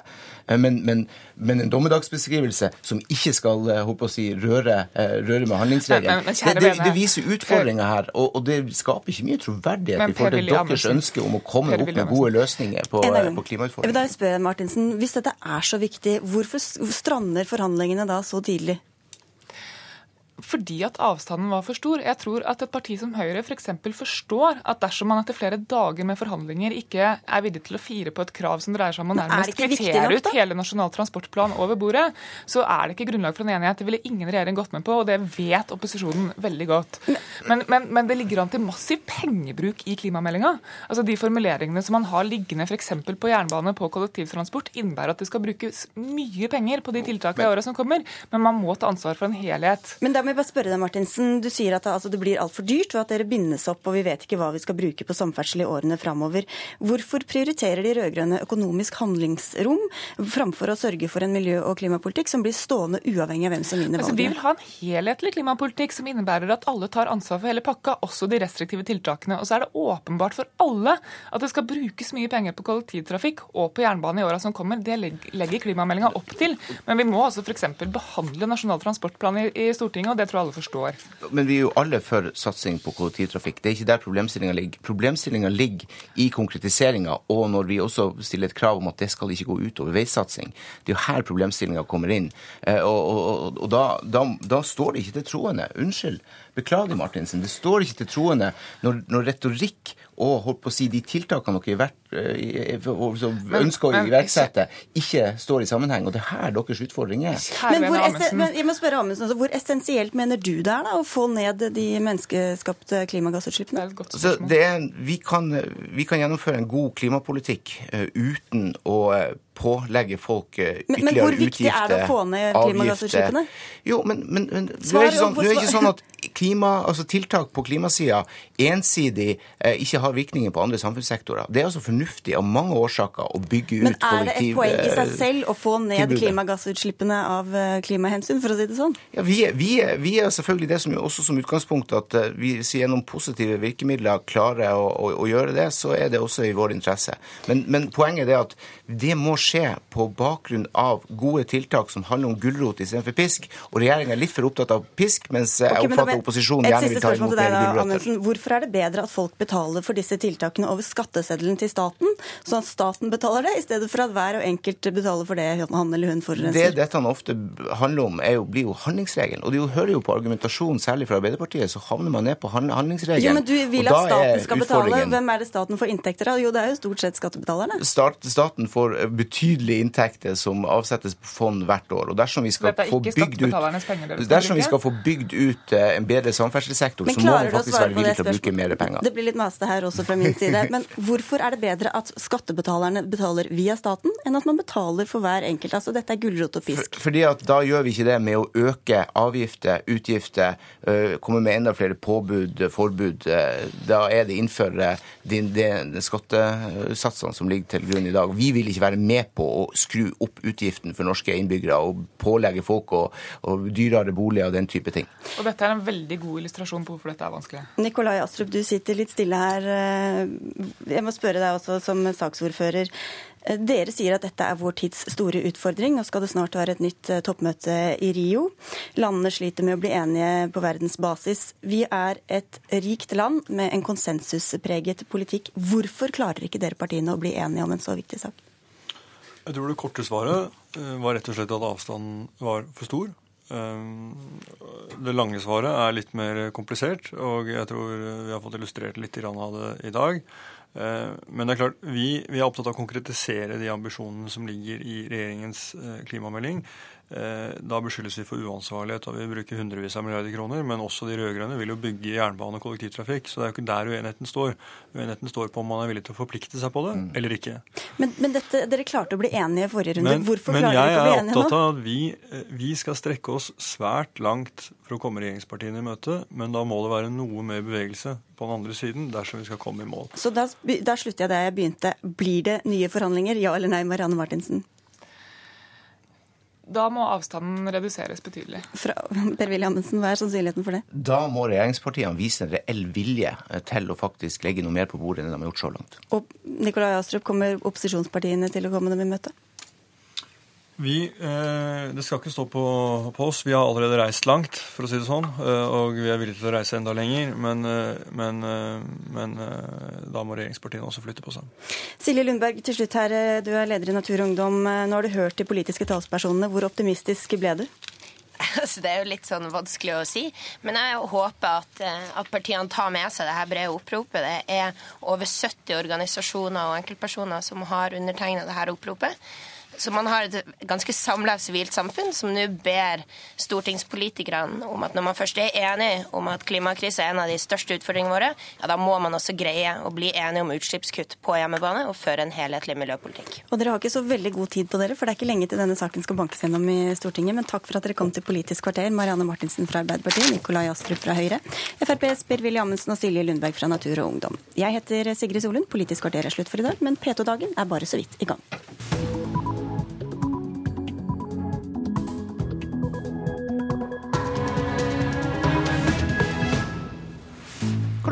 Klokka er åtte, du hører på Nyhetsmorgen. Jeg heter Hege Holm, og dette er hovedsaker akkurat nå.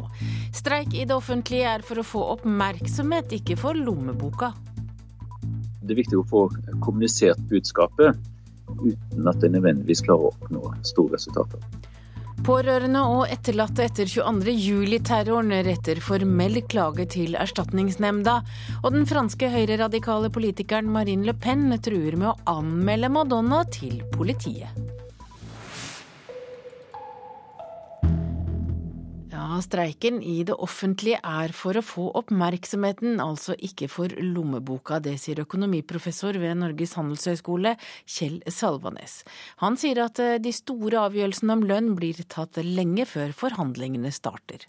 Det som skjer f.eks. i offentlig sektor nå, er jo at offentlig sektor trenger talent eh, på lik linje med privat sektor, og da er lønn veldig viktig. Disse tingene blir ikke avklart i lønnsforhandlinger, men dette er noe som ble blir gjort i politiske kretser, og særlig politiske eh, kretser kombinert med departementene. Det er de som egentlig setter, eh, setter standarden her, eller bestemmer på dette tilfellet. Og det skjer ikke i de annethvert årlige lønnsforhandlingene. Terrorofrene etter 22.07 har fått mye lavere erstatning enn bistandsadvokatene krevde. Bistandsadvokat Christian Lundin er overrasket over det han mener er altfor lave erstatningsbeløp. De vedtakene som er truffet harmonerer med dårlig med uh, sakens uh, realitet, og sammenholdt med tidligere rettspraksis på dette området, og uh, signaler fra lovgiver om at oppreisningsbeløpene skal settes høyere. Ja, men er du overraska?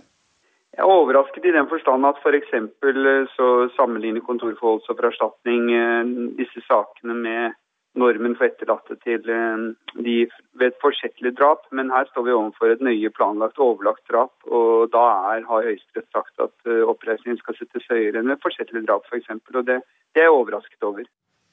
Og reporter her var Ellen Borge Christoffersen. 70 organisasjoner og fremtredende enkeltpersoner ber stortingspartiene gjenoppta klimaforhandlingene. Arbeidet med et klimaforlik brøt sammen fredag. Nå øker presset fra tunge interesser som ber partiene sette klima foran internt spill og partipolitikk. En robust klimapolitikk er viktigere, eh, er viktigere enn partipolitikk, sier leder i Natur og Ungdom, Silje Lundberg. Det vi ber om, det er at de skal gå tilbake til forhandlingsbordet. Eh, de brøt forhandlingene om klimaforliket på fredag. Vi mener det er forhandlinger som må fortsette. Vi er helt avhengige av at vi har en langsiktig og forutsigbar klimapolitikk, uavhengig av hvordan regjering som skulle styre etter valget i 2013 eller senere. Så derfor eh, trengs det at de her partiene nå blir enige, og det er det eh, da ganske mange mennesker nå eh, har sagt seg enig i. I delstaten Wisconsin i USA skal velgerne i dag avgjøre om de vil tilbakekalle den omstridte guvernøren Scott Walker. Det omtales som USAs nest viktigste valg i år.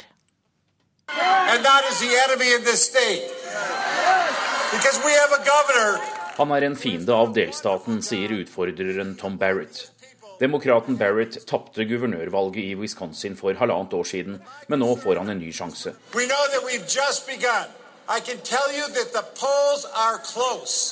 Dette er det tredje tilbakekallingsvalget i USAs historie. Valget i Wisconsin følges nasjonalt og ses på som en test før presidentvalget i høst. Aldri før har det vært spyttet så mange penger inn i en valgkamp på delstatsnivå. Og det sa korrespondent Anders Tvegård.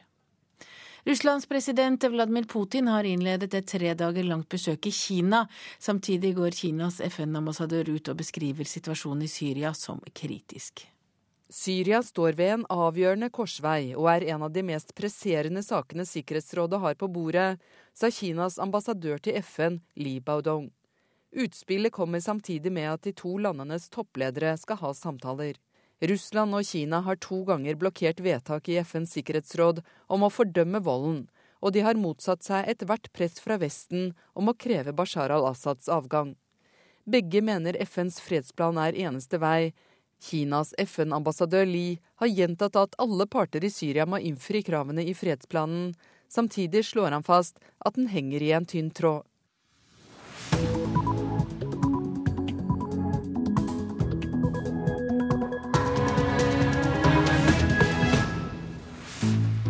Der har klokka passert halv ni. Du hører altså på P2s Nyhetsmorgen. Jeg heter Hege Holm, og dette er hovedsaker i nyhetene akkurat nå. Norske og danske styrker i Afghanistan har blitt utsatt for hacking. Topphemmelig militær informasjon har havnet hos fienden. Sykehjem har vært svært lav bemanning pga. streiken. Det er fare for liv og helse, mener rådmann i Lillehammer, Christian Sotland. Vi må melde til departementet om at her er situasjonen så alvorlig at eh, det kan gå utover liv og helse. Streiker bare for PR og småmynter, mener professor om streik i det offentlige.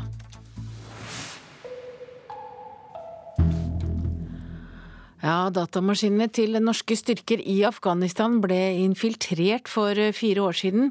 Det kommer fram i en dansk dokumentar som sendes på dansk TV i kveld.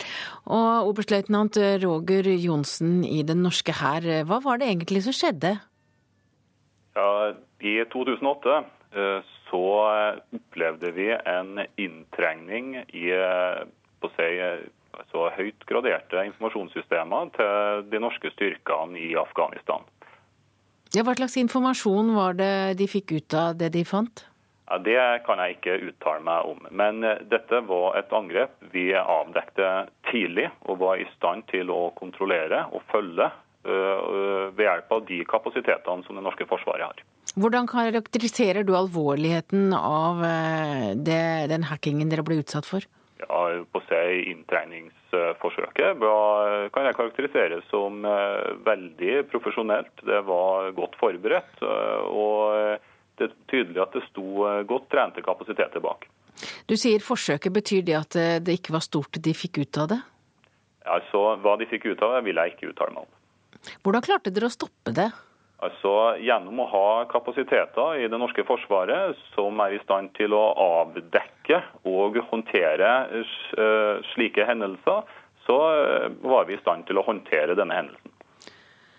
Fikk de tak i informasjon som eh, førte til noen skader for norske soldater? Altså, Det vil jeg ikke spekulere i eller uttale meg spesifikt om. Potensialet for at man kan få tak i slik informasjon hvis man ikke er i stand til å avdekke slike hendelser, er derimot til stede. Men dette er jo fire år siden, og hva vet dere om hvem som sto bak? Ja, så Vi har våre indikasjoner på, på hvem som står bak dette her, men det er ikke ting jeg vil uttale meg om. Men det var krefter i Afghanistan? Det kan jeg ikke uttale meg om. Hvordan kan dere forhindre at dette skjer igjen? Altså ved å opprettholde gode militære kapasiteter til å avdekke altså inntrengning, angrep på våre systemer tidlig. For dette dreier seg ikke om datakriminalitet og IT-sikkerhet. Dette dreier seg om forsøk på det cyberoperasjoner, altså militære operasjoner mot da eh, datasystemene til norske militære styrker. Ergo så er Forsvaret nødt til å vi stadig videreutvikle våre kapasiteter som er i stand til både å avsløre og håndtere denne type hendelser. Da dere oppdaget det for fire år siden, ble dere overrasket? Eh, på mange måter så kan man jo si at man blir overraska, men nei, vi var nok meget klar over at eh, slike ting pågikk og hadde pågått i mange år. Ikke bare mot Forsvaret, men mot andre deler av samfunnet også. Takk til deg, oberstløytnant Roger Johnsen. Ved flere sykehjem er nå bemanningen på et så lavt nivå at eh, det varsler, når det varsles om videre opptrapping, så blir rådmannen på Lillehammer bekymret for liv og helse. På Abildsø bo- og rehabiliteringssenter i Oslo er nå 25 medlemmer tatt ut i streik.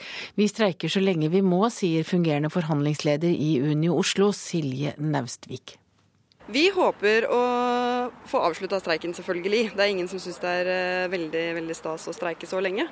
Eh, men vi må streike så lenge det er nødvendig, og det gjør vi til vi får satt oss til forhandlingsbordet og finner en løsning igjen. De står utafor inngangen i sine etter hvert så velkjente Unio streikevaktvester og bekrefter at streikeviljen er til stede. Selv om Naustvik er klar på at streiken også rammer beboerne på senteret. Det påvirker beboerne her på Abelsø sykehjem ved at de merker at det er færre folk på jobb.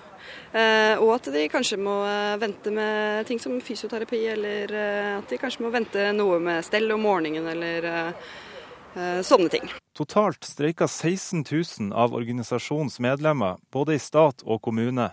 Flere av dem jobber innenfor helsesektoren. Nå varsles det opptrapping av streiken. Det bekymrer rådmann i Lillehammer, Kristian Fotland. Det betyr at vi, vi må melde til departementet om at her er situasjonen så alvorlig at eh, det kan gå utover liv og helse.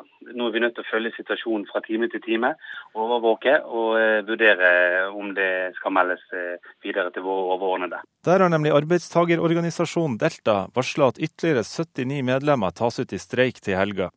Fra før er over 40% eller 698 ansatte i kommunen tatt ut i streik. Dette vil ramme liv og helse, sier rådmannen. Hvis det nå er fortsetter fram mot helgen, så betyr det at vi ikke kan akseptere det uttaket som er gjort. Da blir det fare for liv og helse, og streiken må avblåses.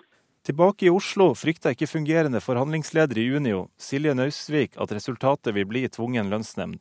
Altså Her i Oslo så fører vi en uh, veldig forsvarlig streik. Uh, og Vi uh, har et veldig godt system på dispensasjonssøknader. Og vi har foreløpig ikke hørt noen trussel om tvungen lønnsnemnd hos oss. Men det er klart at i de andre områdene, sånn KS og staten, så er det mulig at, mulig at de hører rykter om det. men det er ikke tilfellet i Oslo. Og Reporter i dette innslaget var Ole Marius Rørstad og Victoria Wilden. Og til tross for eh, streiken blant vekterne ventes det normal ventetid i sikkerhetskontrollen ved flyplassene i de største byene også i dag. Men Avinor og flyselskapene oppfordrer allikevel de som skal ut og reise om å møte opp i god tid før avgang. Men på sikkerhetskontrollene på flyplassene i Sandnessjøen, Alta og Kristiansund er det fortsatt stengt. Streik i det offentlige er for å få oppmerksomhet, ikke for å få penger. Det sier økonomiprofessor ved Norges handelshøyskole, Kjell Salvanes. Han sier at de store avgjørelsene om lønn blir tatt lenge før forhandlingene starter. Utenfor Stortinget prøver Unio-streikende å synge seg opp i lønn. Men det er PR det showes for, ikke penger, sier Salvanes. Ja, PR høres litt sånn uh, odiøst ut, men, uh, men, det er viktig å få kommunisert budskapet uten at det nødvendigvis klarer å oppnå store resultater.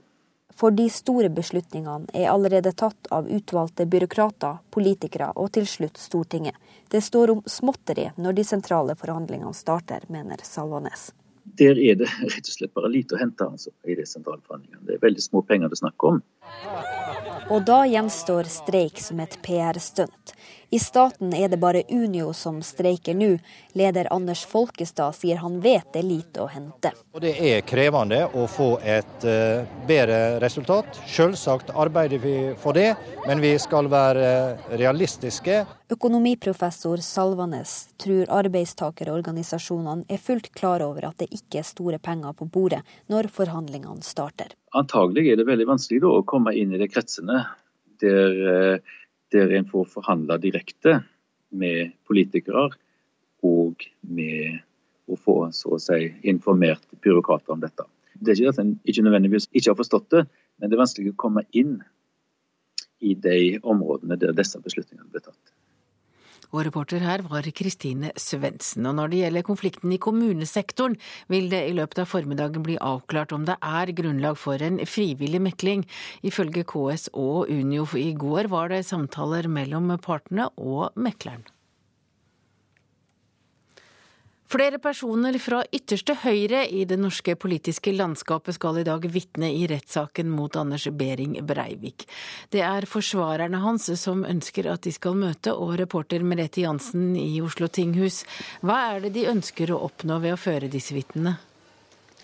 De ønsker å vise hvor utbredt Breiviks tanker og holdninger er i samfunnet, og Dermed så håper de på å alminneliggjøre Breivik mest mulig, sett opp mot det bildet av en syk mann som ikke har helt kontakt med virkeligheten, som enkelte andre har prøvd å formidle. En av de som skal belyse temaet i dag, det er den innvandringskritiske samfunnsdebattanten Ole Jørgen Anfinsen. Han mener at innvandringsstatistikken i Norge er politikerstyrt og feil. Anfinsen er forfatter, han er redaktør for det innvandringskritiske stedet Honest Thinking. Han skal først og fremst snakke om hvordan tall blir brukt, og etter hans mening misbrukt av statistikerne når de skal beskrive innvandring og befolkningsutvikling i Norge. Vi får også høre Ronny Alte. Han ledet frem til april i år den islamkritiske organisasjonen Norwegian Defence League.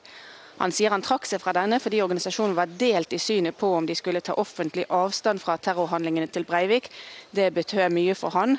Han er nå tilknyttet den nystartede organisasjonen Norges Frihetsparti.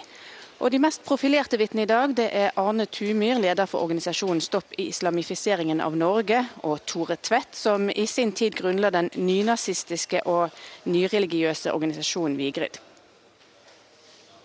Ja, I går ble jo mye av dagen brukt til å demonstrere hvor lite uvanlig det er i det Breivik sier og det han mener. Og drapsmannen slapp jo også til i går. Hva var det han ville? Ja, Breivik fikk, fikk, jo selv godt med taletid, og den brukte han bl.a. til å liste opp en lang rekke politiske attentater fra høyresiden i Norge like tilbake til 1970-tallet. Han mener selv at det er tradisjon for å angripe venstresiden og innvandrere her i landet. Han listet også opp en lang rekke veldig små og noen litt større angrep på ham selv og på folk han kjenner. Eh, disse angrepene var da begått av personer med innvandringsbakgrunn. Og Avstanden mellom disse episodene og det han selv utrettet eh, sist sommer, er jo ganske stor. Takk til deg, reporter Merete Jansen i Oslo tinghus. Du hører på P2s Nyhetsmorgen. Klokka er 8.41, og dette er hovedsaker akkurat nå. Topphemmelig militær informasjon har havnet hos fienden etter at norske og danske styrker i Afghanistan har blitt utsatt for datainnbrudd. Sykehjem har svært lav bemanning pga. streiken. Det er fare for liv og helse, mener rådmann i Lillehammer, Christian Fotland. Og Facebook-eksperimenter med løsninger for å åpne nettstedet for barn.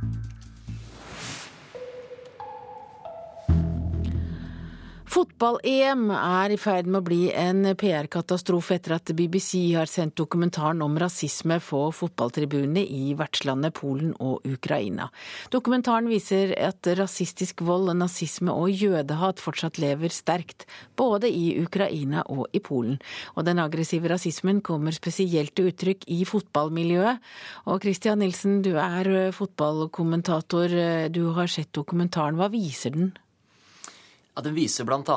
Eh, et eh, forferdelig angrep mot eh, noen indiske studenter i byen Kharkiv under en seriekamp i Ukraina, hvor de blir utsatt for brutal vold. Det er forferdelige bilder. Rasisme, er det utbredt i fotballen, eller er dette spesielt?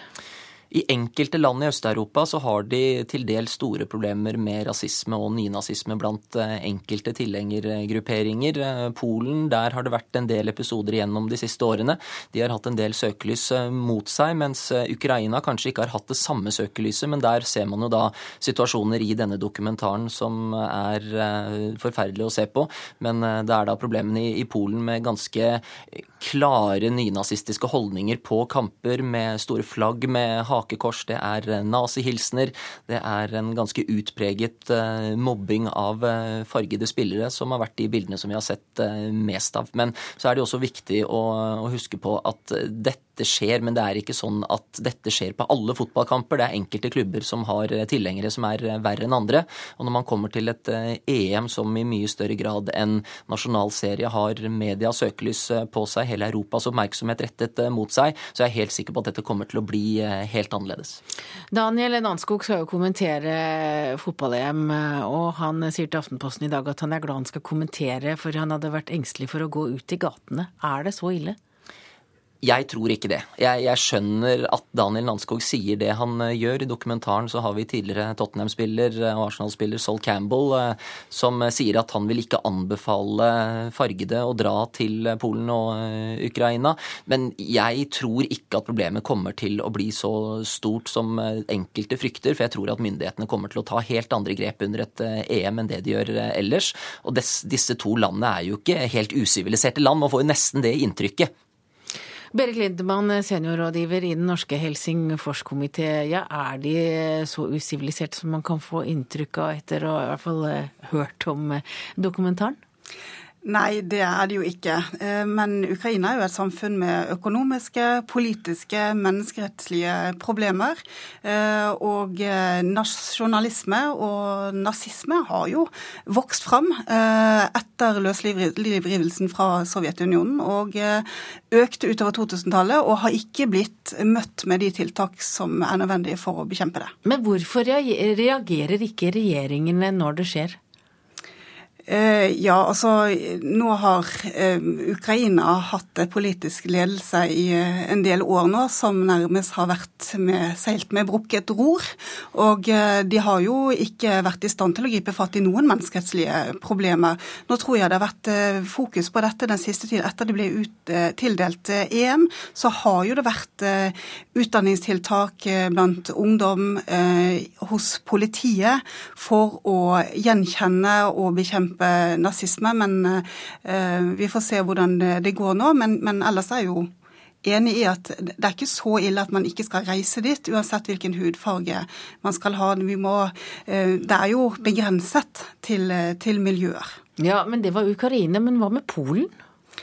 Ja, altså eh, Polen har jo mye samme, samme, situasjon. Eh, jeg tror det har vært mer fokus på eh, problemene i Polen enn det har vært i Ukraina. Men nå blir det jo kjent i begge land. Men, men det er jo problemer i begge land, og det er, det er en arv fra, fra sovjettid og, og, kommunisme, men også fra langt tilbake. Fremmedfrykt. Man skal være redde for fremmede. og nasjonalismen står også høyt. I Ukraina så er det jo ikke bare det de sliter med, der sliter de også med at eh, en del statsledere har truet med å ikke komme pga. at eh, Julia Timosjenko fortsatt sitter i fengsel. Hvordan eh, kommer det til å prege mesterskapet? Ja, altså Det har jo eh, skapt et nytt fokus på, på hele fotball-EM. Eh, det er en veldig viktig politisk markering fra EUs ledere. Nå har jo eh, Timosjenko-saken satt eh, kjepper i hjulene for, for, hele det europeisk-ukrainske samarbeidet.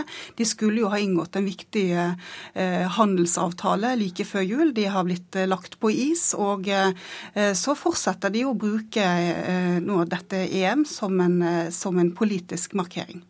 Men Christian Nilsen, nå har vi altså rasismen, så har vi trøbbel med det politiske og fengslede politiske ledere. Er det mange som holder seg hjemme fra fotball-EM pga. dette? Enkelte kommer sikkert til å gjøre det etter det Sol Campbell eh, spesielt sier, men eh, jeg er sikker på at når eh, nå EM virkelig begynner å nærme seg, så kommer folk til å dra til Polen og Ukraina for å heie fram sine lag, og ikke tenke så veldig mye på hva som møter dem der av fiendtlige holdninger.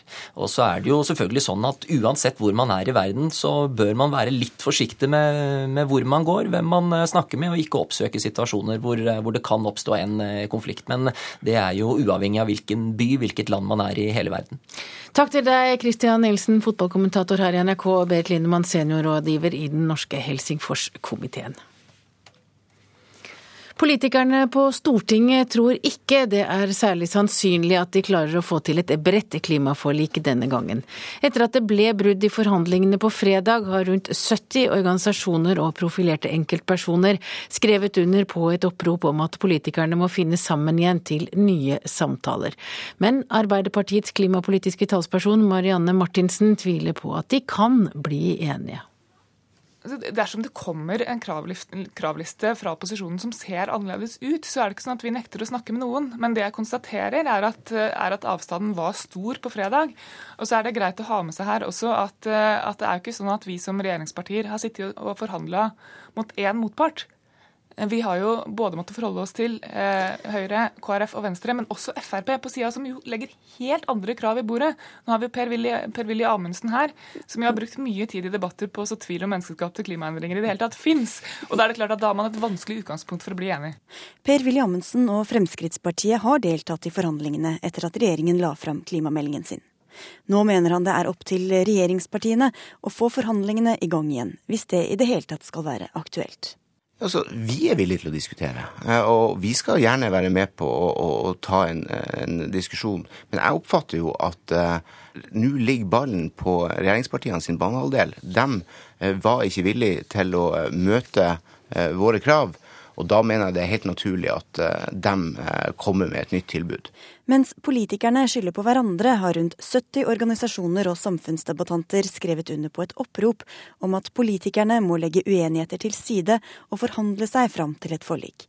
Det er helt nødvendig, sier lederen i Natur og Ungdom, Silje Lundberg. Det vi er redd for, er jo at eh, klimapolitikken ikke blir grundig forankra, som da gjør at man kan få skifter i det, at man får endringer som, som, gjør at man ikke får til de langsiktige både investeringene som trengs, og, men at man ikke heller får til tilstrekkelige utslippskutt i Norge. Men oppropet er ikke nok til å få politikerne tilbake til forhandlingsbordet. I hvert fall ikke uten at regjeringspartiene gir etter mer enn de har gjort til nå, sa Høyres Nikolai Astrup til Politisk kvarter i morges. Eh, vi skal strekke oss svært langt for å komme regjeringspartiene i møte, men da må det være noe mer bevegelse på den andre siden dersom vi skal komme i mål. Og reporter her var Sigrid Sollund. Nå skal de små også inn i Facebook-verden, for Facebook eksperimenterer med løsninger for å åpne nettstedet for barn.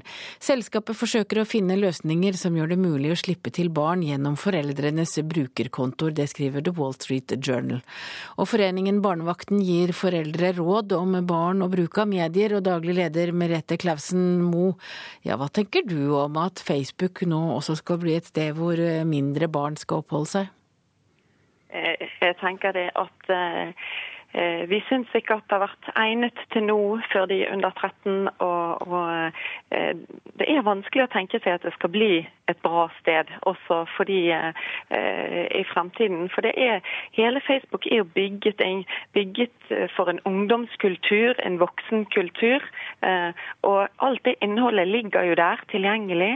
Og at det nå da skal bli en barnekultur der, det er det syns vi ja, det er uheldig. Og ikke minst med, med tidsbruken som det tar. For er noen der, så vil alle være der.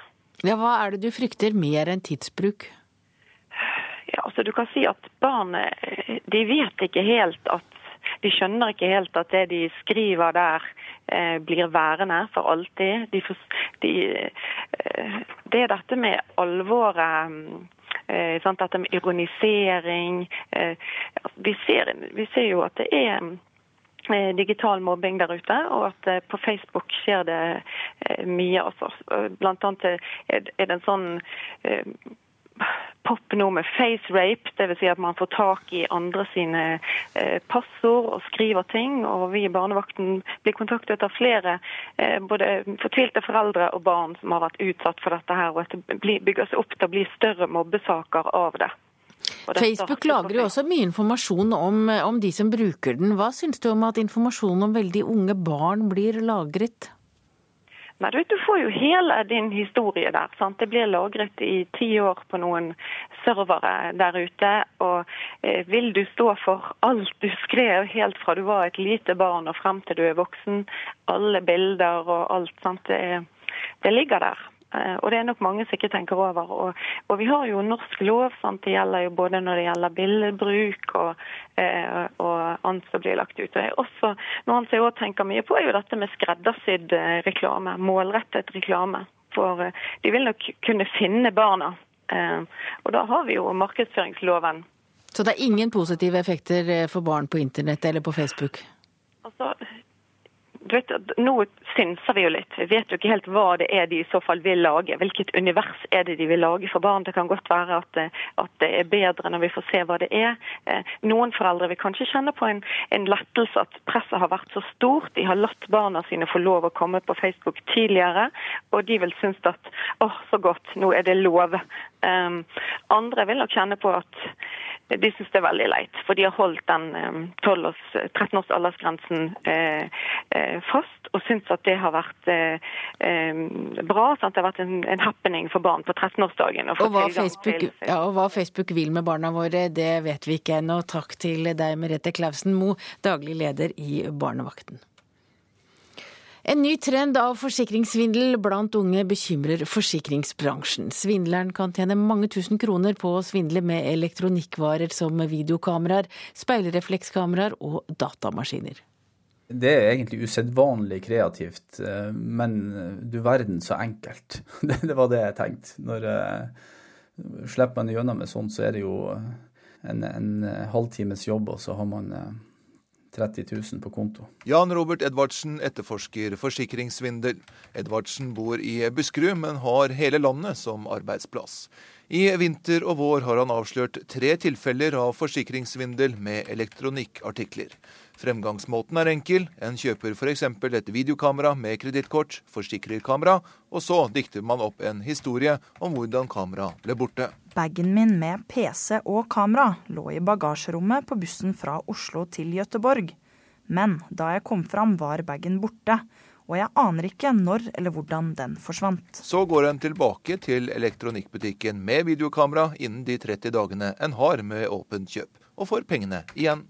Samtidig får en også utbetalt forsikringspengene hvis det ikke blir oppdaget, da. Ja, Det er jo utrolig kreativt. Og jeg vet jo at i og med at vi jobber for mange selskap og, og, og har kontakt med, med de andre, så, så, vet vi jo at dette er noe som foregår i alle selskap. Og, og så selskapene er obs på det, men eh, hverdagen er travel for en skadebehandler. At det sklir en del sånne saker gjennom systemet og folk får penger de ikke skulle hatt, det er jeg ganske sikker på. Altså.